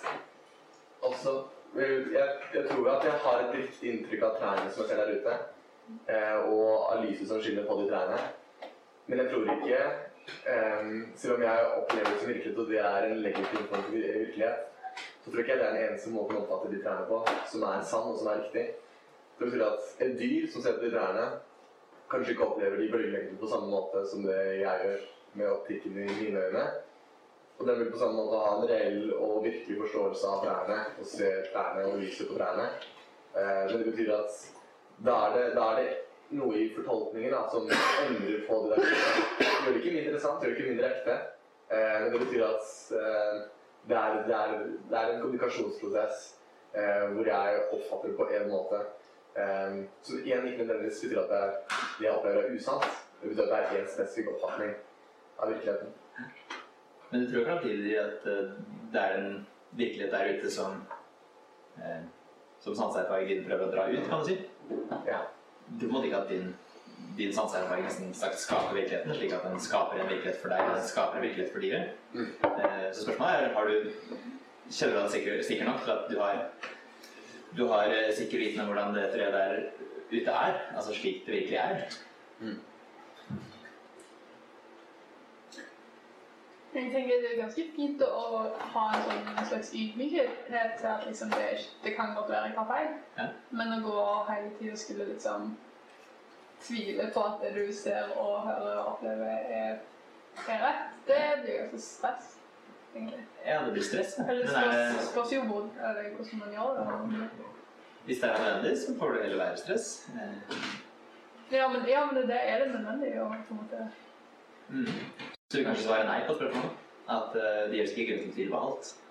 Eller at de kanskje kan gjøre det, men, men er det vits i å tvile på Eller er det noe poeng i det? på en? Ja. Du står kanskje litt mer sånn pragmatisk, at du, du ser ikke helt nytten i det? Ja. Nei, Jeg vil egentlig bare si i respons til det tankeeksperimentet du nevnte med pinnen i vannet, så sier jo synet mitt Gi meg feilaktig informasjon om det, men hadde jeg selv stått i vannet, så hadde jeg jo kunnet observert med følelsesansen min at ikke var bøyd. Mm. Og Derfor så kan det jo hende at det er tilfeller hvor kanskje én sans kan gi oss misvisende informasjon, men en av de andre sansene våre kan si oss det. Man tenker at man får sikrere kunnskap jo, jo flere sanser man kan bruke sammen. Mm. Men hva hvis, hva hvis synet ditt forteller en ting, og følelsessansen din forteller en annen ting? Slik at de nesten står i direkte opposisjon til hverandre? Hvordan vet du da hvem du skal avgjøre mot? Det, med synet eller vinne følelsen? Ja, altså, jeg, jeg, jeg, kjenner under mannen at den er rett, men jeg, ser at den er bøyd, så jeg er veldig heller å tenke at den er bøyd. Ja, det, der igjen er det jo ikke noe god begrunnelse for at man skal velge én sats over en annen. Daniel, du har nesten. Ja, hvis, du- hvis det er med den bøyde pinnen, og du kan snell strykningslov, har du en veldig god grunn til å si at synet tar feil. Eller ikke engang synet tar feil. Synet har helt rett. Det er bare din tolkning av synsinntrykket som trenger å korrigeres. Og hvis du da er veldig mye raskere i hoderegning enn meg og de fleste andre, klarer å på en måte backtracke det å regne ut den vinkelen, da skjønner du at jo da, pinnen er fortsatt rett. Sånn at det gir deg egentlig mer grunn til å tvile på at du alltid forstår sanseinntrykkene dine rett. Men at hvis du på en måte har forhåndskunnskap om hvordan sansene fungerer, så kan du likevel få et sånt kunnskap om det. Eh, Og Descartes han er jo matematiker, men han kan jo en god del om optikk også. Kan Mm. Så han, han, han vet jo mye om grunnene til at uh, Ja. det forandrer seg. Eh, Dere har bare lyst til å- avslutte med Leif Egil. Du, du sa at du har lyst til å tvile på alle sansetrikkene. Hvorfor tenker du det? Uh, jeg, jeg er bare med på at resonnementet er uh, bra, uh, men jeg, jeg er også likevel pragmatisk til det. Eh, men, men jeg tenker litt at uh, Litt sånn som uh, Simen trakk fram, at eh, det går fint an å legge til flere sanseinntrykk, så får du større sikkerhet. Eh, og eh, det handler jo om en, helhet uansett. Det er litt sånn jeg går heller ikke rundt og lurer på om jeg sitter i et hus, liksom. Eh, Men det er jo ikke klart heller. Altså, Nei, det er en metode. Det er spørsmålet om kom, om den tvinger oss til den konklusjonen. Eh, Morten, ikke der. Ja, jeg tenker ikke på å svare på sånn her speilrom i tivoli. Så ser vi hvordan på forskjellige fasonger fra et speil. Så det betyr ikke det at det er sånn kroppen ser ut. Det er jo bare et filter som lurer deg, og som brenner sannheten. Mm. Det, ja, kommer tilbake med vannbryter. Du må bare være observant over disse skrittene i de sine. ditt. Som promillebriller også, eksempel. Det er jo mye rart som kan kludre sansene. Da må du bare være observant for det. Ja. Eh, Susanne, siste. Ja, eller bare sånn Det siste han sier, er derfor jeg har grunn til å tyde på enkelte av sanseinntrykkene mine. Mm. Eller det tenker jeg ja, det må jo alle være enig i. Enkelte av sanseinntrykkene våre er illusjoner. Hvorfor ikke alle? Hvorfor ikke alle? Nei, det er spørsmål, men det er ikke det han sier. Nei, dette er egentlig ikke det han sier. Det er min rekonstruksjon. Å, ja. Vi kan skrive heller ikke på norsk hvis du hadde klart det. Men han sa enkelte eller det, det kan jo ingen si imot, på en måte. Ja. At det er. Ja, så jeg, jeg burde egentlig skjult konklusjonen, eller skjult den siste eh, til seinere, men det er på en måte litt litt som Daniel prater, om, litt som Simen prater om, det er litt vi, vi vil fram til. Hvordan, hvordan kan du si at noe er en illusjon, eksempel? Du, du oppdager at den pinnen i vannet var en illusjon, men hvordan kan du si at den var en illusjon? Jo, fordi du oppdager at det var en illusjon. Du, du bruker kunnskap, og du bruker kanskje sansene til å finne ut det senere. Du bruker kanskje kunnskap om hvordan optikk fungerer, og du bruker kanskje andre sanser, som følelsessansen, til å oppdage at det var en illusjon. Så en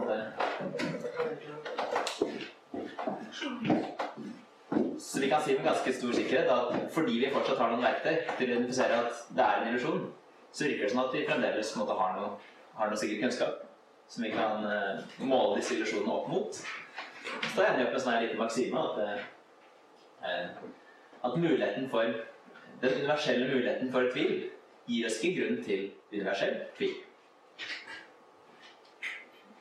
Eh, Var det klart? Si det en til. Ja, ja, det var litt kult å si. skal si det.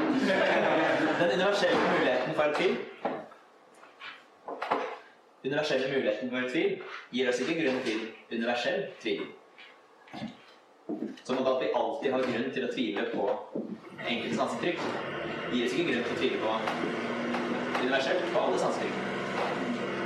Kan jeg spørre Maria? Ja, men det- du må jo uansett til syvende og sist stole på et eller annet sanseinntrykk. Og Altså om du, om du må ta på pengene eller ikke. Du må jo liksom Ja. Du vet jo egentlig aldri. av det Så det er, måte, det er så langt å har kommet nå. Han sier ja, ok, jeg kommer ikke så veldig dit. Jeg har bare funnet ut at jeg, har grunn til å tvile på enkelte av sanseinntrykkene. Og så går han videre. Så er han drømmen. Det der skriver jo Descartes om i sine meditasjoner. Når han sitter og skriver, så sitter han, eh, sitter han foran peisen i gyngestol sånn jeg skulle ønske at jeg gjorde nå. Eh, Så sitter han og skriver. Men så kommer han fram til det at eh, alle disse opplevelsene de har han, jo- også kunnet hatt i drømmen. Har du noen gang hatt en drøm som måtte være så levende at du trodde at dette her var virkelig? Hvor du har fått så mange sanseinntrykk, hvor du har sett ting, hvor du har hørt ting, hvor du har følt ting, hvor du har merka ting. Hvor, det, hvor drømmen din på en måte har vært så levende at når du våknet, så var det som et sjokk, og så bare oi. Var ikke det virkelig i det hele tatt? Noe som hatt en sånn drøm? Eh, Så det virker som at når han sitter der foran peisen og skriver, så Hvis i drømme at han kan ha den type opplevelser som han på en måte er ganske sikker på er eh, er sann beskrivelse av virkeligheten, men som er jo helt fiktiv, det han drømmer bare. Hvis han hatt så konkrete, reelle opplevelser da. Eh, Hvordan kan han da stole på at den opplevelsen han har nå, av å sitte foran peisen og kjenne varmen fra bålet, eh, og høre knitringa, eh, og se lyset, og lukte, lukte brent ved Hvordan kan han da være sikker på at det, det ikke er en drøm? At alle de opplevelsene han har nå, er virkelige?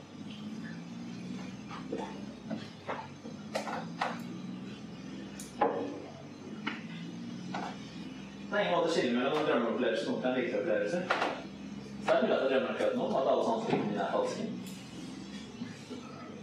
Så gir dette oss grunn til å tvile på alle sanseinntrykkene våre. Igjen. Samme spørsmål. Rekk opp hånda de som mener ja. Ja, du tør det. Det er bra. Og da antar jeg at enten resten enten sitter på gjerdet eller sier nei. Ja, har lyst til å være kort? Eh, jeg syns det er samme logikken. At uh, uh, land eh, Altså, jeg, jeg har for eksempel hatt en uh, drøm da jeg var liten, eh, og jeg lurte faktisk på i en, i en uke om jeg hadde hatt en maurtue bak senga. Eh, og, og så, så var det egentlig litt sånn jeg, jeg måtte sjekke. ja, ok. Ja, det er ingen tegn på at det, det har vært noe igjen. Da slo jeg på sansene. Men, men eh, det, er- det er litt sånn eh, jeg, jeg liker egentlig den der skeptisisme-tankegangen. Eh, men jeg syns også at til sitt resonnement etter det er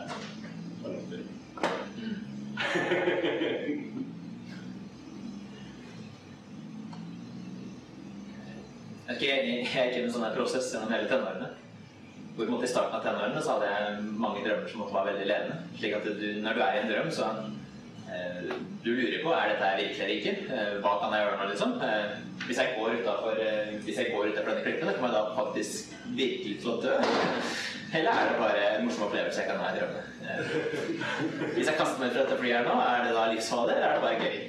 Fordi det er en drøm at alt er mulig. Slik at etter hvert prøvde jeg å finne sånne metoder at eh, jeg prøvde liksom da, som mange gjør, man prøver liksom å klype seg selv. Og hvis det Man tenker at hvis det gjør vondt, så er jeg våken. Hvis ikke jeg kjenner noe, så ja, da drømmer jeg. Da kaster jeg meg ut av flyet. Da, da er det litt gøy mens jeg kan. Da skåler jeg mer. Eh, eh, så ja, den type ting. Ja. Eh, Men etter hvert så virka det som at kroppen nesten Det funka i starten, men etter hvert nesten at kroppen justerte seg etter det. Slik at eh, på sånne senere opplevelser når du står og lurer på om du skal ut av flyet, så, eh, så driver du og deg selv. Men da, da virker det som du faktisk har en opplevelse av smerte i tillegg, selv om du er i drømme. Eh, Slik at du, du er fortsatt på en måte usikker på om jeg men drømmer jeg nå virkelig. Eh, Må jeg virkelig sitte i det flyet her? Det hadde vært så mye gøyere å kaste seg ut. Eh, Her inne er det kjedelig, der ute er det gøy. Eh, ja, altså ikke jeg måtte gjennom den prosessen til slutt, og så Men så lander jeg til slutt den konklusjonen at uh, det virker som at de eneste gangene jeg tviler på om jeg er våken eller drømmer, er når jeg drømmer. Uh, fordi ja, det kan skje kanskje helt ekstraordinære situasjoner. Når du er på sånn konsert og det er sånn blinkelys, at det faktisk lurer i på om man drømmer mens man er våken. Men uh, stort sett så er sånne opplevelser at det eneste gangen du tviler på om du drømmer er våken, er faktisk i drømmene. Så sånn mot slutten av tenåra lærte jeg meg til å behandle den type situasjoner. sånn at eh, hvis jeg i det hele tatt tvilte på om jeg var våken, uh, så drømte jeg.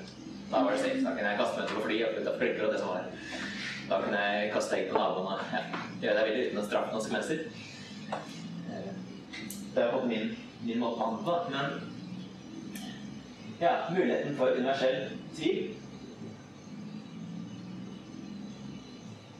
Men så lander jeg egentlig kart der også på at ja, men hva, hva er grunnen til å hva er grunnen til at vi senere kan gå og si at vi har en drøm? Altså når du opplevde den maurtua, eller når jeg kasta meg på flyet, var det grunnen til at vi senere kan si at det var en drøm?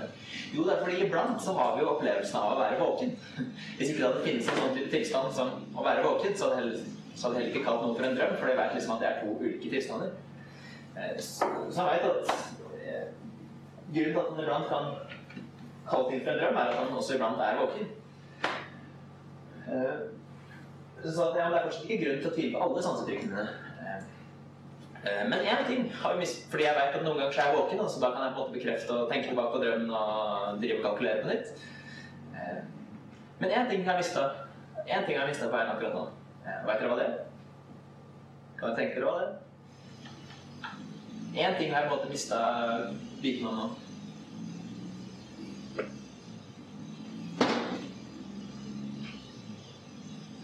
Og det er om jeg drømmer akkurat nå.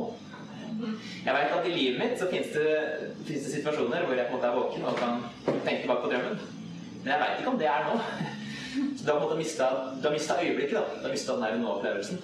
For det kan hende jeg drømmer akkurat nå. Men jeg kommer på ikke helt i mål på det heller, så vi går helt ned til demonen. Som sagt, det er fortsatt metoden, så ikke tenk at man er helt høy på amfetamin. LSD, kanskje. Det må komme mer senere. Eh, Men så måtte prøver han å komme helt ned til da, the bottom rock. Men det er grunnen til at jeg på en måte Grunnen til at jeg kan avkrefte at jeg hadde Grunnen til at jeg visste at jeg hadde en illusjon i vannet, og grunnen til at jeg visste at det var en drøm, er fordi jeg iblant har sanseinntrykk som jeg, som jeg måte kan stole på, som jeg kan bruke de til å avfeie de andre med. Men så begynner jeg å tenke på men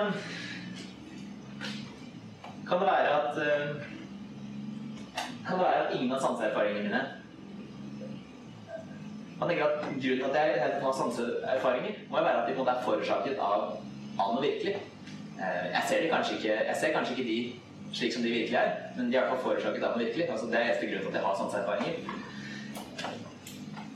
Men kan det være at ikke de engang er det? Grunnen til at jeg måtte bruke analogien med en demon, er at eh, er nesten bare for å ha noen som kan lure ham. Da. Han tenker at det kan finnes en, en mektig demon som driver og fabrikkerer alle de sanseinntrykkene jeg, har. Man kan egentlig oversette til at ja, men tenk om alle sanseinntrykkene mine bare er sanseinntrykk. Tenk om ikke de får slags av noe. Tenk om de bare er sanseinntrykk, og that's it. Det er litt vanskelig å tenke seg, så at man bare kan ha sanseinntrykk sånn helt uten videre. Det, blir, det er sånn, en en tanke som er så fremme for oss at vi nesten ikke klarer å tenke. Men om vi da i hvert fall setter inn en demon som på en måte sitter aktivt og lurer oss Og hver eneste sanseinntrykk jeg har, er på en måte bare fullstendig helt fiktiv. Han bare sitter og lurer meg. Fra en til annen. Moderne filosofer bruker ja, Det liker jo ikke demon, for det, det lukter på en måte sånn der religiøst overtro og sånn. De setter kanskje inn en sånn der moderne vitenskapsmann som sitter på en måte med hjernen din og driver og plugger inn ting og sprøyter ut kjemikalier og sånne ting som driver og skaper alle opplevelsene dine. At du egentlig bare er en hjerne som driver og flyter rundt i en krukke i laboratorium akkurat nå.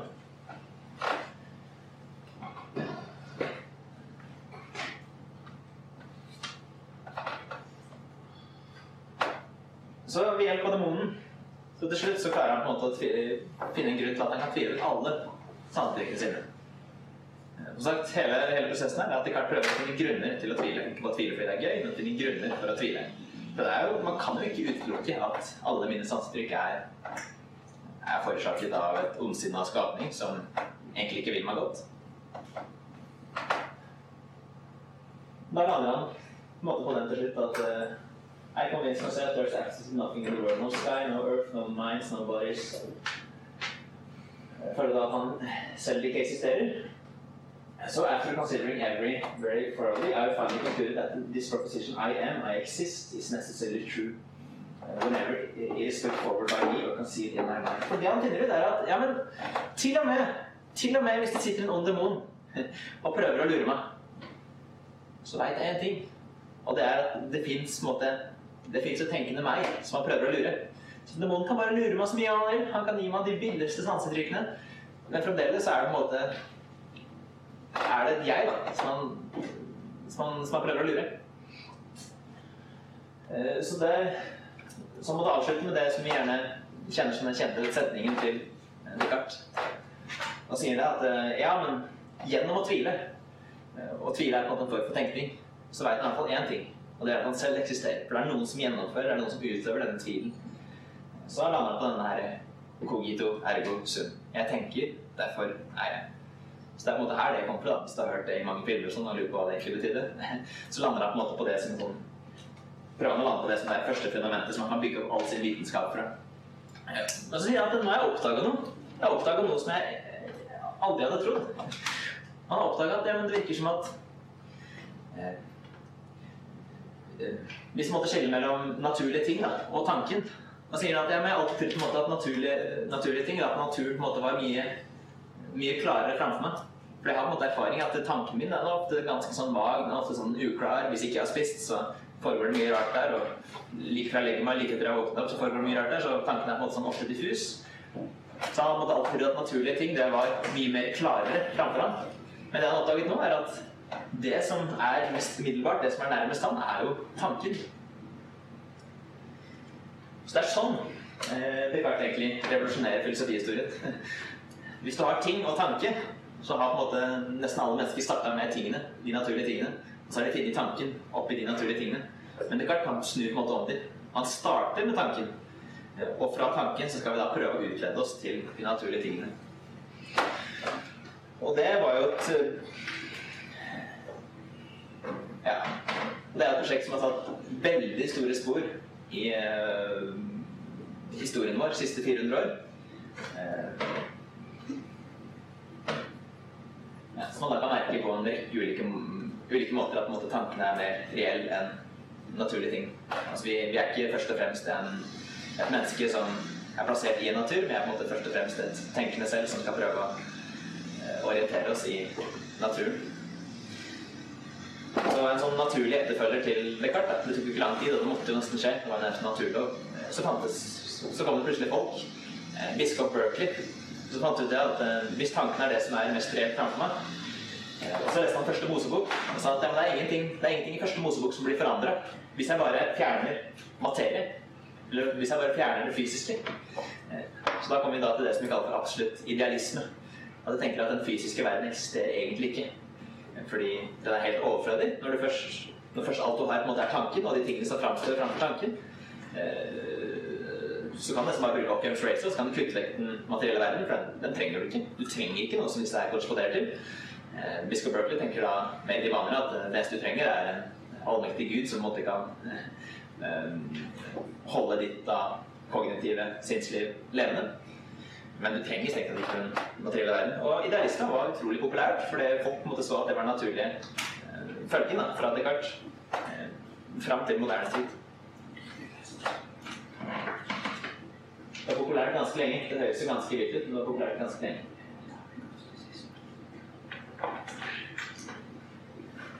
Prate litt kort om hva, hva vil det si å vite?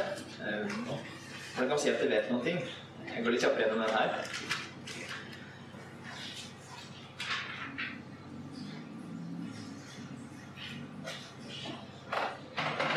Ja, da har vi den klassiske forståelsen av viten. Hva, skal, hva slags forutsetninger er skal til for å si at du har viten? Det er som går tilbake til Platon, er at uh, det er tre kriterier som skal til for å sies at du har viten.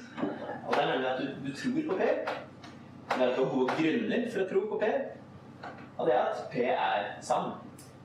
Eh, hvis jeg f.eks. tror at eh, Arnfinn sitter der, hvis jeg har gode grunner til å tro at Arnfinn sitter der Altså hvis ikke jeg eh, hadde vært i hadde vært i Bryne akkurat nå og bare gjetta på det, tilfeldigvis hadde hatt sant Hvis jeg har gode grunner til å tro at Arnfinn sitter der, fordi jeg, fordi jeg sanser han, og jeg tenker at det er en reell mulighet at han faktisk sitter der, fordi jeg vet at han er med på Filosofika og har lyst til å få med seg det som foregår her og i tillegg til at det faktisk er sant at Arnfinn sitter der, skal sies at da har jeg viten. Uh, sier f.eks. at P da er en er at den røde bilen står i garasjen. At uh, Hvis den røde bilen står i garasjen min, Og hvis jeg går grunner til å tenke at den røde bilen står i garasjen Jeg kan ta en grå bil, siden jeg har faktisk en grå bil der ute. Eh, hvis jeg tror at den grå bilen står der ute, og hvis jeg har gode grunner til å, tenke at den grå bilen står der ute, selv om jeg ikke ser den akkurat nå, og hvis den grå bilen faktisk står der ute, så kan jeg si at jeg vet at den grå bilen står der ute. Så det er på den forutsetning for viten er at ting faktisk er sant. Og spørsmålet er men kan man egentlig vite at det er sant, men det kommer vi tilbake til. Men er dette nok? For det er litt sånn umiddelbar innvending man kan gi her. Kan dere tenke, tenke dere hva det er?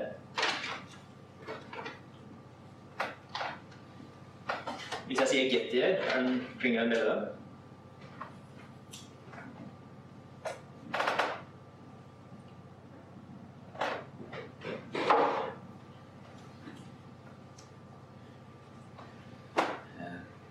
Hva kjenner dere? På 1900-tall? Ja, Marie? Eh, Jeg tenker det baserer seg jo bare på din opplevelse. Men ja. Ja, det er en forutsetning at det faktisk er sant òg.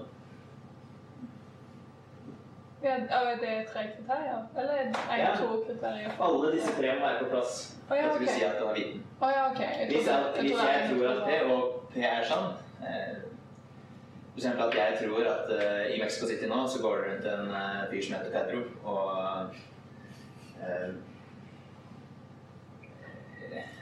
eh, ja, Hva gjør han, gjør noe helt sprøtt. Han, eh, han roper ut at enten er nær på, på, på denne krysset i sentrum. Og så kan det hende at det er sant, men egentlig så har jeg bare gjetta. Det kan faktisk hende at Pedro står der. Men jeg har ikke bare gjetta, for jeg har ingen grunn til å vite det. Så det er ikke nok for å ha viten. Eh, Og hvis jeg tror at P, og jeg har god grunn til å tro at P, f.eks. at England slår Island, men P ikke er sant, så er det vel ikke viten, for det, det skjedde jo ikke. Eller at Syden er hovedstaden i Australia. Så alle tre kriterier må på en måte være på plass. da. Ja, okay. Så kommer det en fyr som heter Edmund Gettier, og han sier det at men vi kan faktisk forestille oss situasjoner hvor alle disse tre er sanne, men man fremdeles ikke har viten. Eh, Si at jeg eh, Fremdeles, da. Eh, Jeg tror at den grå bilen står der ute. Og jeg har god grunn til å tro at den grå bilen står der ute, for det det gjorde den i går kveld. Eh, Og den grå bilen står der ute. Men fremdeles så kan det hende, hvis du bare ser for deg en sånn her bils, eh, bilsituasjon Tenk at Margrethe har tatt den grå bilen. Eh, Fordi hun reiste opp på Oslo S, på togstasjonen, fordi hun skulle hente mormora si, som eh, hadde lyst til å være med på Filosofika. Eh, Så hun kjørte opp dit.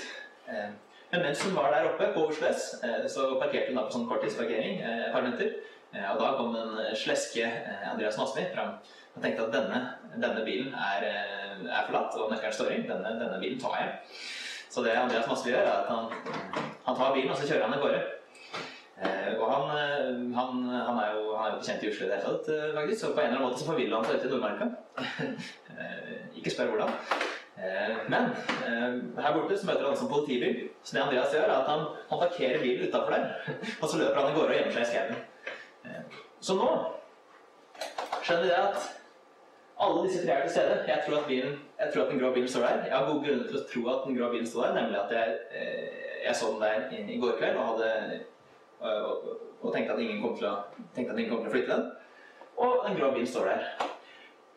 Men det viktige nå er at den grå bilen står der av helt andre grunner enn hva jeg opprinnelig hadde for å tenke den.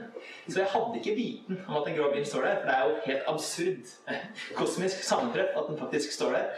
Eh, fordi Andreas ikke skjønte noe som helst, og eh, plutselig kjørte ut på en skogsvei med adgang forbudt. Eh, ikke spør hvordan du klarte det i det hele tatt. Eh, men så satte han der allikevel.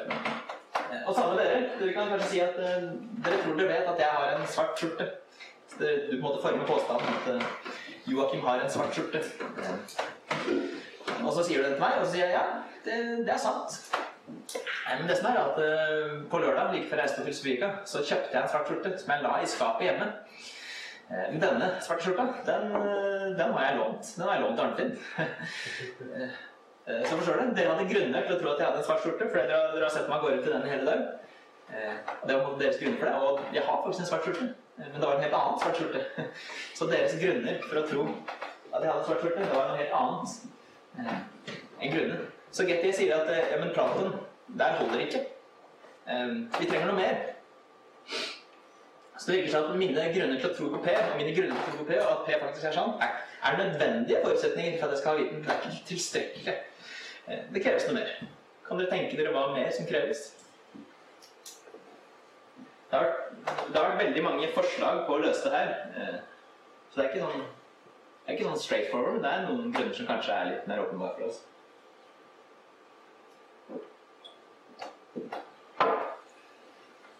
Leif? De gode grunnene er sanne. Eller ja. Ja, eller i hvert fall at man, man kan tenke at det er, en, det er en direkte link mellom de gode grunnene for at man tror man er sant, og at P er sant. For det virker, Hvis man måte sier at det er et kausalitetsforhold der mellom eh, at mine gode grunner til å tro at P er sånn, er de samme som er grunnen til at P er sånn, at det måtte være en link der, så virker det som at man har kommet seg forbi det problemet. For da kan man si at mine grunner til å tro at P er sant, var ikke de samme som er grunnen til at P er sant. Eller så man kanskje forme sånne doble, doble negativer. At man kan si at hvis ikke Hvis ikke mine grunner er innfridd, eh, så vil ikke TV være sant. Eh, Den type ting. Så jeg har god grunn til å tro at bilen står der, men hvis ikke, eh, hvis ikke de grunnene på innfrir, at jeg tenker at jeg har nøkkelen i lomma mi eh, Nøkkelen i lomma mi og ingen kommer til å kjøre økene, men den allikevel er eh, må da være på en måte et kriterium at eh, hvis ikke de grunnene er innfridd, så må bilen være borte. Men her så er jo de kriteriene ikke innfridd, men bilen står der fortsatt. Så det virker som at det også er en måte å komme seg rundt det på.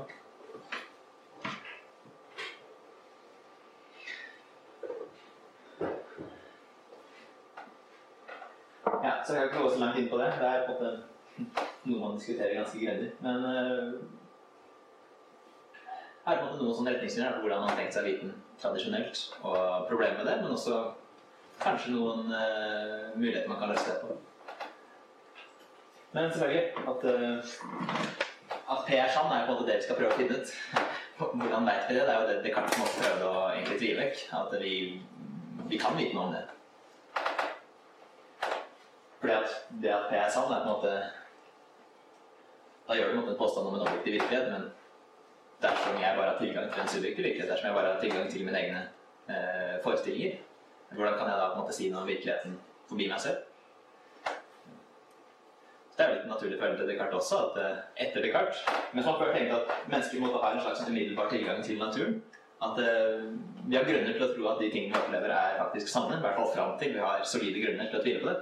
Fram til vi oppdager den pinnen, eller eh, fram til vi oppdager at, eh, ikke, at den regnbunnen ikke var der til å ta og føle på. Eh, så snakker man måte Descartes motsatt. Faller han, han, han, han, hogger, han hogger et skille da, mellom vår forestilling av verden og verden slik den virkelig er. Så da kommer Immanuel Kant seinere og måtte dra dette skillet for, for fullt. Han sier at det, du har på en måte to ting. Du har das Ding an sich. Du har tingen slik den er i seg selv. Og så har du das Ding für mich. Du har tingen slik den virkelig fremstår for meg. Eh, slik den fremstår for meg. Eh, men veit ikke at de to korresponderer? Nei, sier Kant. Det er på en måte en avgrunn der. Vi kommer aldri fra den ene til den andre. Alt jeg har, er på en måte bare forestillinger. Eh, hvis jeg ser på det treet der ute, så har jeg bare en slags sånn forestilling av det treet, men jeg vet ikke hvordan det treet virker her. Og alt jeg har tilgang til, er mine forestillinger. Eh, hvis man på en måte tar min forestilling av det treet i sånn snapshot, hvis jeg bare tar speilreflekskamera og tar et bilde av det, så er det på en måte den type ting jeg har her. da. Jeg har, sånn, jeg har bare masse enkeltvise bilder. Men et bilde er jo ikke ekte. Hvis jeg viser deg et bilde, så, hvis jeg viser deg et bilde av et tre, så tenker ikke du at det virkelig står i tre der. Så hvordan vet jeg da at det er en realitet forbi det bildet, eller ikke? Eh, Eller at man sitter og ser på TV. Man og sitter og ser på Utover hage, og så går plutselig Bård Tufte Johansen og Harald Eia foran skjermen, så vet du da at du, du begynner ikke å grave inn i TV-en for å måte, hilse på en kjendis og fant og skrive autograf og sånne ting, men du vet liksom at det er bare bilder. Så du vet kanskje at de, de er forårsaka av noe som er ekte, men du vet ikke hvordan den ekte tingen virkelig er i seg selv. Eh, Rikard? Men viderefører på en måte Kant til sin tenking, tenking da. Når han lager et skille mellom tingen i seg sjøl og tingen som man ikke kan si noe om, som på en måte ligger ovenfor det han kan si noe med Kant. Jeg har en forstå- forståelse av at han gjør et skille der. Altså f.eks. om en metafysisk størrelse. Eh, og jeg tenker at kanskje der litt kritikken. naturfilosofien Ok, jeg ser en matematisk sannhet. altså Den matematiske sannheten må med, må med nødvendighet hjelpe seg i naturen. Det, kan, altså det jeg erfarer på en måte i naturen. Som på en måte ikke er med tanke, men at altså, det ligger en lovmessighet i naturen som må hjelpe seg med nødvendighet. Det blir litt vanskelig å skille på det. Jeg vil henne, men altså faktisk en metafysisk størrelse som er faktisk noe Det er det korrespondanse der som på en måte blir feilslått av når du tar Kant. Du, altså, mot Kant egentlig så kan du si at ja, men det skjer noe i naturen, og den henger sammen. Ja. Ja, eh, men spørsmålet er på en måte Er det som skjer i naturen, det samme som framstår for oss? Ja. Vi, vi har jo bare disse bildene som fikk forbi. Men som Andreas sier, tenk, tenk om et dyr eh, ser på disse tingene så opplever det på en helt annen måte. Eh, kanskje helt andre kvaliteter. Kanskje fargesiden til dyret er helt annerledes, slik at det treet som vi tenker er grønt, eh, tror det er rødt. Tenk om det kommer, tenk om det kommer aliens til planeten vår som har, helt, som har våre fem sanser, men i tillegg flere sanser, slik at de ser mange ting midt iblant oss som ikke vi, som ikke vi oppdager, fordi vi har ikke, vi har ikke utviklet, nok utviklet sanseapparat. Men da blir jo spørsmålet igjen naturlovene som bestemmer disse sansene. Vil ikke de være gjeldende på lik linje for dette dyret og for eh, altså bølgelengden hos dyr og, og bølgelengden i synet hos mennesker? Altså Vil ikke de ligge der som noe universelt? Eh, Er vi fast bestemt? Ja, eh, Altså premisset for på en måte, premisset for at dyret kan ha den spesifikke optikken, og jeg har den spesifikke optikken, det vil være uforandret. Man kan f.eks. si at det er en slags sånn naturlov eller logisk lov at uh, alle effekter har en årsak. Uh, så vil si at hvis jeg har et sanseinntrykk, og hvis dyr har et sanseinntrykk, så forårsakes det av noe. Det er ikke bare sånn eh, eh, fravær av demonen hvor vi bare har sanseinntrykk uten at det, det er noe som helst. Eh, så vi kan si at det er en naturlov, men tenk om jeg oppfatter eh, Tenk om jeg oppfatter et tre på en helt annen måte enn en dyret. Som jeg antageligvis gjør, fordi mitt sanseapparat er helt annerledes utvikla Men da er det likevel den naturloven som er bestemmende for dette, og ikke meg. Ja, men na- Naturlov er ikke bestemmende. Kan vi si, det er naturloven som setter premissene. Ja, men Jeg Du står i fare for å på en måte si at naturloven nesten er normative. Eh, Naturloven beskriver hvordan naturen virkelig skal være, men hvis jeg tenker at naturloven er deskriptive, det er på en måte Naturen kommer på en måte etter vår beskrivelse av virkeligheten. Naturloven er på en måte ord vi setter på eh, hvordan vi beskriver virkeligheten. Og i hvert fall dette at vi kan, vi kan, sanse, vi kan sanse den samme tingen med ulike farger.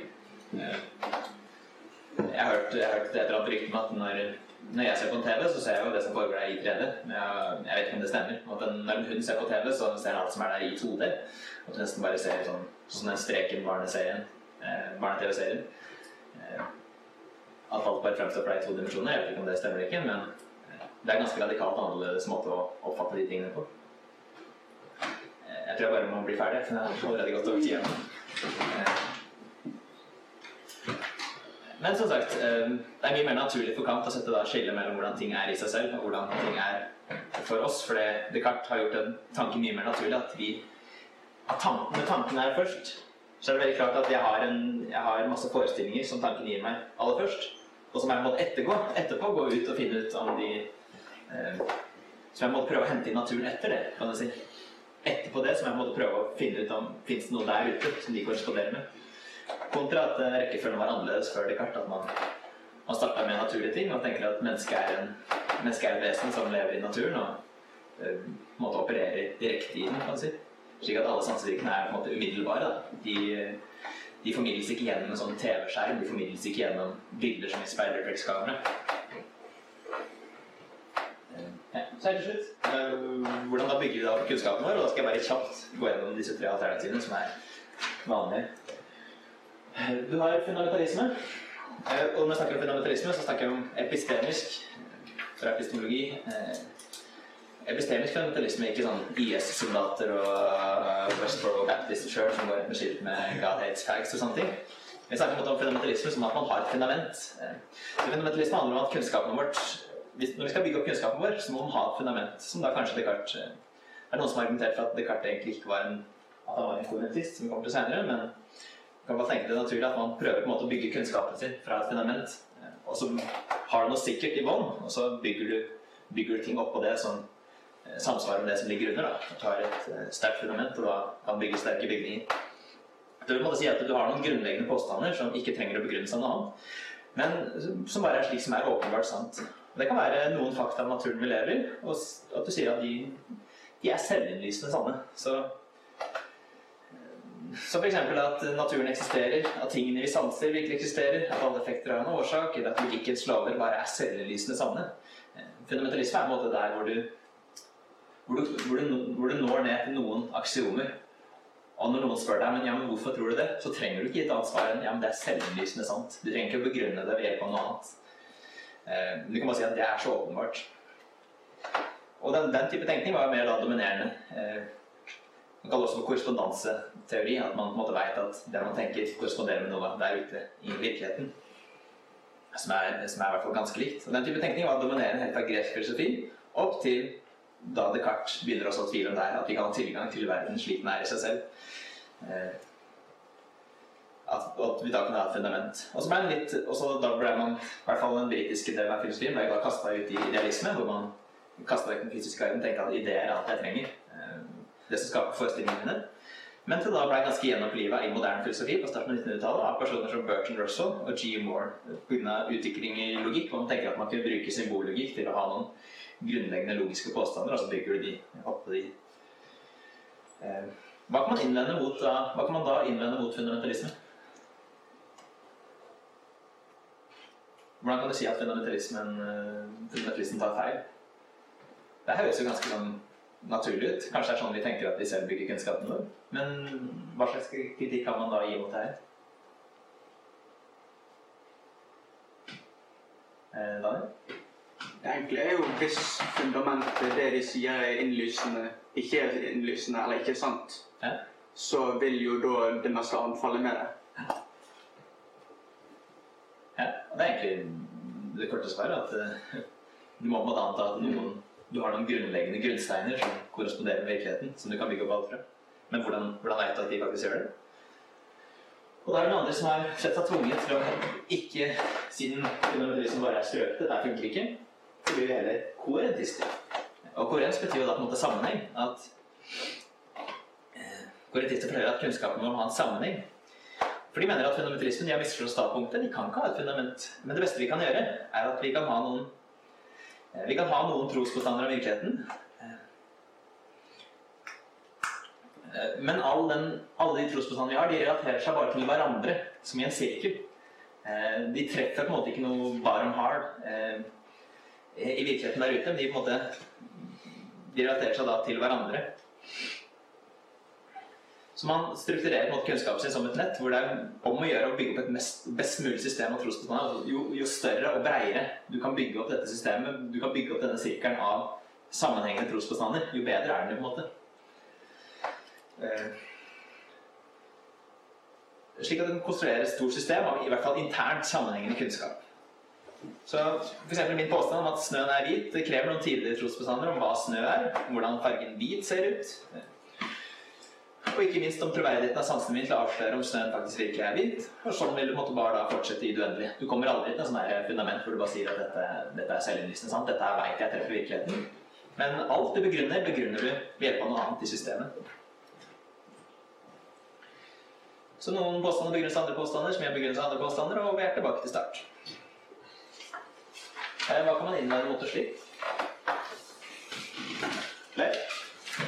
Sannhet blir jo på mange måter irrelevant. Da. Så lenge det fungerer, så lenge det.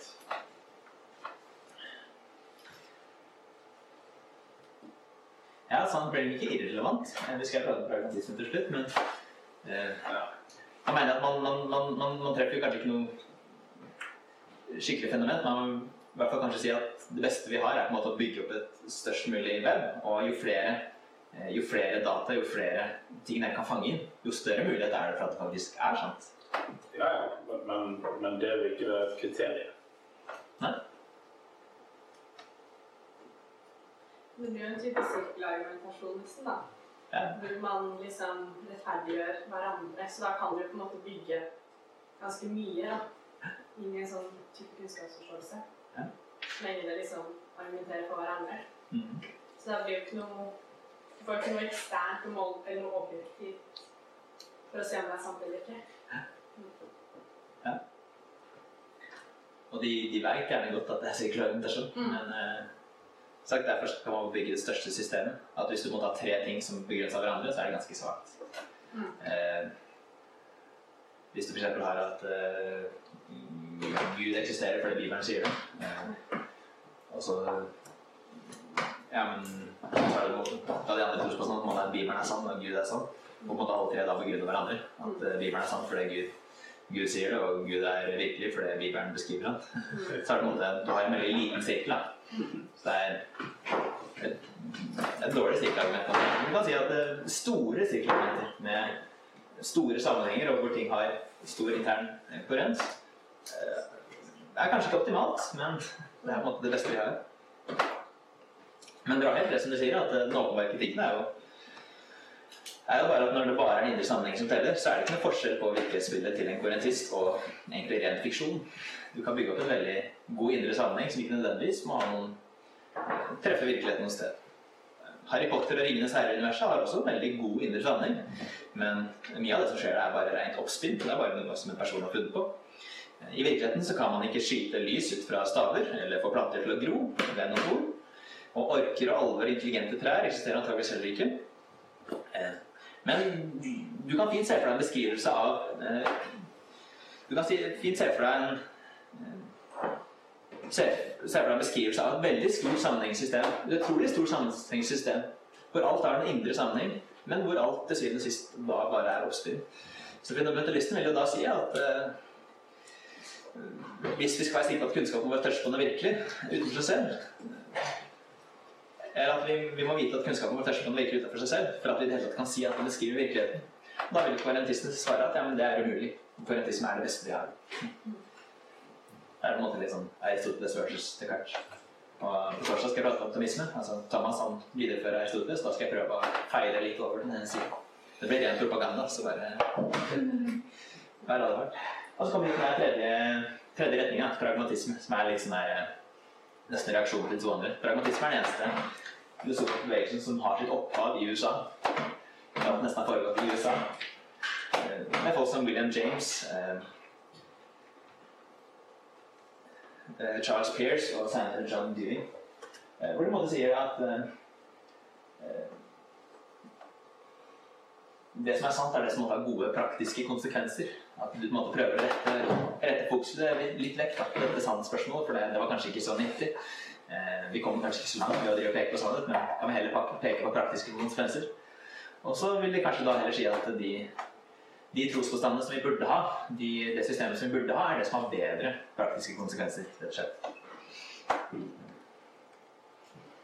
Så da blir det på en måte Enten man prater at sannhet er det som har de beste praktiske konsekvensene, fordi man tenker at det er en uløselig der, eller at man bare har lyst til å feie ordet sannhet under teppet fullstendig, fordi man tenker at det, er ikke nyttig å prate om. Vi, vi har pratet om det her i 2500 år, og vi har ikke kommet noe lenger. Og at man bare, bare da prater om praktiske konsekvenser i helt for seg selv. Men de mener at det systemet som har de beste, som har bedre praktiske konsekvenser, er da da burde foretrekke. Og jeg kjenner egentlig ikke pragmatisme så godt, så jeg kan ikke begi meg på å beskrive det veldig inngående. Har respekt for det som faktisk er det, som er veldig mange intelligente mennesker. Men man vil da kanskje si umiddelbart et, par ting. At eh, For hvorfor skal vi Hvorfor skal vi egentlig foretrekke sannhet framfor praktiske konsekvenser? Eh, Hvorfor er det så viktig? Eh, Er det, vik- er det ikke bedre at mennesker har det fint sammen? Er det ikke bedre at det bygger en bedre verden enn at vi faktisk er, er så eh, er så ekstreme da, på å skulle ha den der diffuse sannhetsgreia? Eh, Hvis vi kan velge mellom to trospåstander hvor du kan tro på noe sant, og så har det ganske dårlige konsekvenser egentlig, eh, Eh, Eller du kan ha noe som er gode praktiske konsekvenser, eh, men som ikke er sant. Så kan du egentlig nesten leve Nei, du kan velge å leve på denne livsløgnen fordi det har mye bedre konsekvenser. Hvorfor, hvorfor skal du ikke gjøre det? Det er noe jeg ofte spør en ateist om. at eh, John Gray sier at det er kristne som tilber sannhet, fordi de tror at sannheten er fanget i en person. Men hvis man er en ateist og tenker at uh, alt vi er, er på en måte det vi er utviklet til å være, hvorfor skal vi da ha denne ekstreme uh, Hvorfor skal vi da ha denne ekstreme greia hvor vi skal sette sannhet overalt? Hvorfor er det så viktig? For vi er ikke, vi vi er ikke først og fremst den type skapninger som er, som er utvikla til å ønske sannhet framfor alt. Vi er den type skapninger som er utvikla til å være tilpasningsdyktige. Og det er sjelden man får et godt svar på det, hvorfor man da skal eh, prioritere sannhet framfor alt, selv når det har dårlige konsekvenser. Hvorfor skal vi ikke da sørge for å bygge et bedre samfunn? Hvorfor skal, Hvis religion er på en måte sånn der bi, biprodukt av evolusjonen, men det fører til at mennesker blir lykkeligere, hvorfor i alle dager skal ateisme ha det? Er ikke det fantastisk? Hvis det har bedre konsekvenser? Hvis eh, nytten av å ha i verden er um, utveier uh, skaden av alle, hvorfor i alle dager skal man bare kritisere det? Hvorfor skal man ha den der ekstreme eh, Ja Hvorfor skal man på en måte tilbe sannhet? Eh, men samtidig så det virker som det er et eller annet i oss som mener en at sannhet har en iboende verdi som gjør at vi, vi burde ønske det. Det er, sånn, det er sånn nesten intuisjon vi har, som ikke vi klarer å bare legge til side. Vi klarer ikke nesten ikke å overbevise oss selv om at det er en i sannhet. La oss, la, oss, la oss tro på ting som har gode konsekvenser det er begrensa hvor lenge du klarer å tro på den livsløgnen. For du, du, tenker egentlig at ja, men, sannhet er viktig. Sannhet har en iboende verdi som, eh, som ikke bare kan oversettes til, til, nytte. Så er det ikke da et eller annet galt med den type pragmatisme også. Og ikke minst, man må snakke om å skaffe bedre praktiske konsekvenser. Men selvfølgelig, som i utilitarisme, så ordet 'bedre' i praktiske konsekvenser hva i alle dager betyr det? Det kan bety alt og ingenting. Og hvordan i alle dager kan du da si at noe har bedre praktiske konsekvenser enn noe annet, dersom ikke du i hvert fall prøver å appellere til et eller annet objektiv som du kan kalle for sant eller godt? Er det bedre, er det bedre å bygge et samfunn hvor de hevder at eh, kvinnen kan bestemme over egen kropp? Eller er det bedre å bygge et samfunn hvor man hevder at man skal beskytte det ufødte liv? Hvordan skiller man mellom de to? To, to uhyre intelligente mennesker kan ha ulik eh, konsept om hva som er bedre. Eh, og hvordan løser man da konflikten mellom de to uten å prøve å appellere til noe utenfor de to? Som man kan kalle for nesten objektivt godt eller objektivt sant.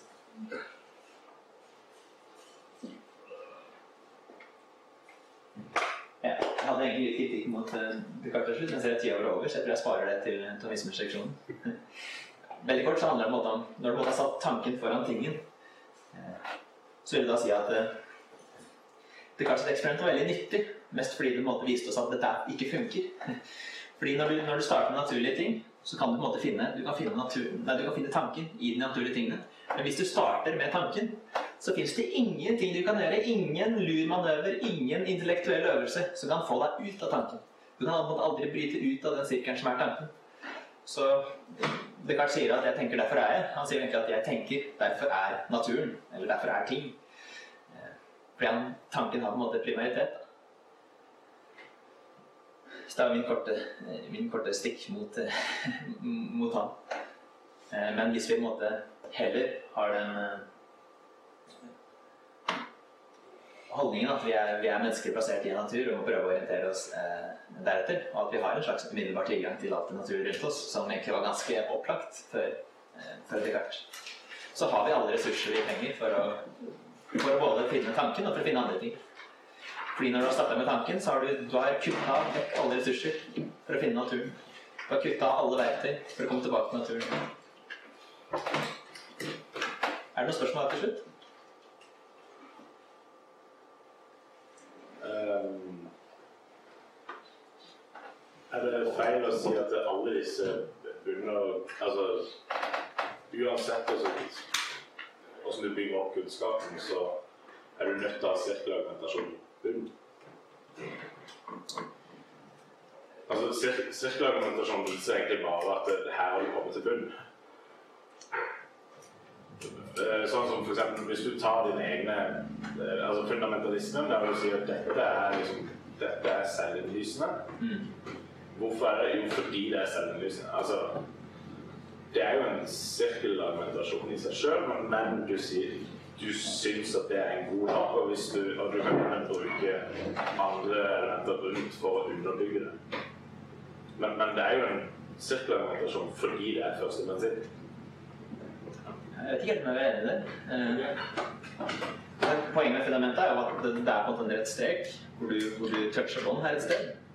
Eh, Mens i sirkelargumentasjon så begynner det alltid noe annet. Eh, Du kan godt Jeg kan si at eh, det logiske ikke-kontradiksjonsprinsippet er på en måte et aksiom at det er noe vi har i bånd. Uh, At en ting kan ikke være, uh, være En ting kan ikke være på samme måte på samme sted. eh, Være på to ulike steder på samme tid. eh, I samme, i samme form til samme tid. Så skal jeg måtte si at det er, eh, det er en absolutt nær bunn. Og så kan du og så kan spørre meg hvorfor jeg mener det, og så sier jeg at nei, det er et aksiom. Jeg kan godt si at det er selvlysende, men da, da argumenterer jeg på en sirkel. Jeg bare sier at dette her er eh, starten. Jeg sier at det er så åpenbart at eh, vi skal i hvert fall ha bedre Istedenfor å tvile på denne starten, så burde vi starte med denne starten. Og heller vente til vi har gode grunner til å tvile på det. Men, men det, det er jo ikke feil å karakterisere det som en sirkelargumentasjon. Altså, for du kan fint formulere det som en sirkelargumentasjon. Det er et aksiom fordi det er Altså, dette er aksiomet. Hvorfor er det det? Jo, fordi det er selvinnlysende. Ja, hvorfor er det det? Nei, altså du, du kan fint lage en, sirkel nettopp fordi det er det grunnleggende. Ja, men hvis det er en sirkel, så må den måtte sluttes. Eh, hvis du sier at det logiske ikke-kontradiksjonsprinsippet er selvinnlysende, så vil du ikke igjen begrunne ja, hvorfor er det, er det selvinnlysende. Det er På grunn av det logiske eh, ikke-kontradiksjonsprinsippet. Eh, at det er selvinnlysende er på en måte bare noen ord du gir til å si at dette er her vi starter. Du kan, du kan bare si at det er her vi starter å nekte, nekte måte å svare på alle videre begrunnelser. Så litt som forutsetning da, fra sirkelargumentasjon er på en måte at du har to, tre eller flere påstander som begrunner hverandre og som styrker hverandre. Og her si at her kommer du på en måte ned til et fundament hvor hvor ikke du begrunner de ulike tingene ved hverandre. Sånn som du gjorde da med Bibelen og Gud i stad, i vår karikatur. Så bare fordi man, man kan gi et svar når folk spør om hva er grunnen til det, eh, er ikke tilstrekkelig til å kalle noe for argumentasjon. Det er påstand. Så lenge det ikke faktisk er en reell sirkel der. Si at det er et uh, aksiom at alle effekter har en årsak. Og spør meg hva, hva er grunnen til det, tenker du? Jo, fordi det er selvinnlysende. Uh, så vil jeg ikke igjen begrunne at det er selvinnlysende ved at at alle effekter har en årsak. Så det er på en måte ikke noen vekselvirkning der. Det, pilen peker bare én vei, kan du si. Er du enig? jeg er ikke sikker. Ja. Nei, nå har jeg brukt eh, for mye tid. Beklager det. Eh. Jeg sa jeg hadde for lite, tror jeg.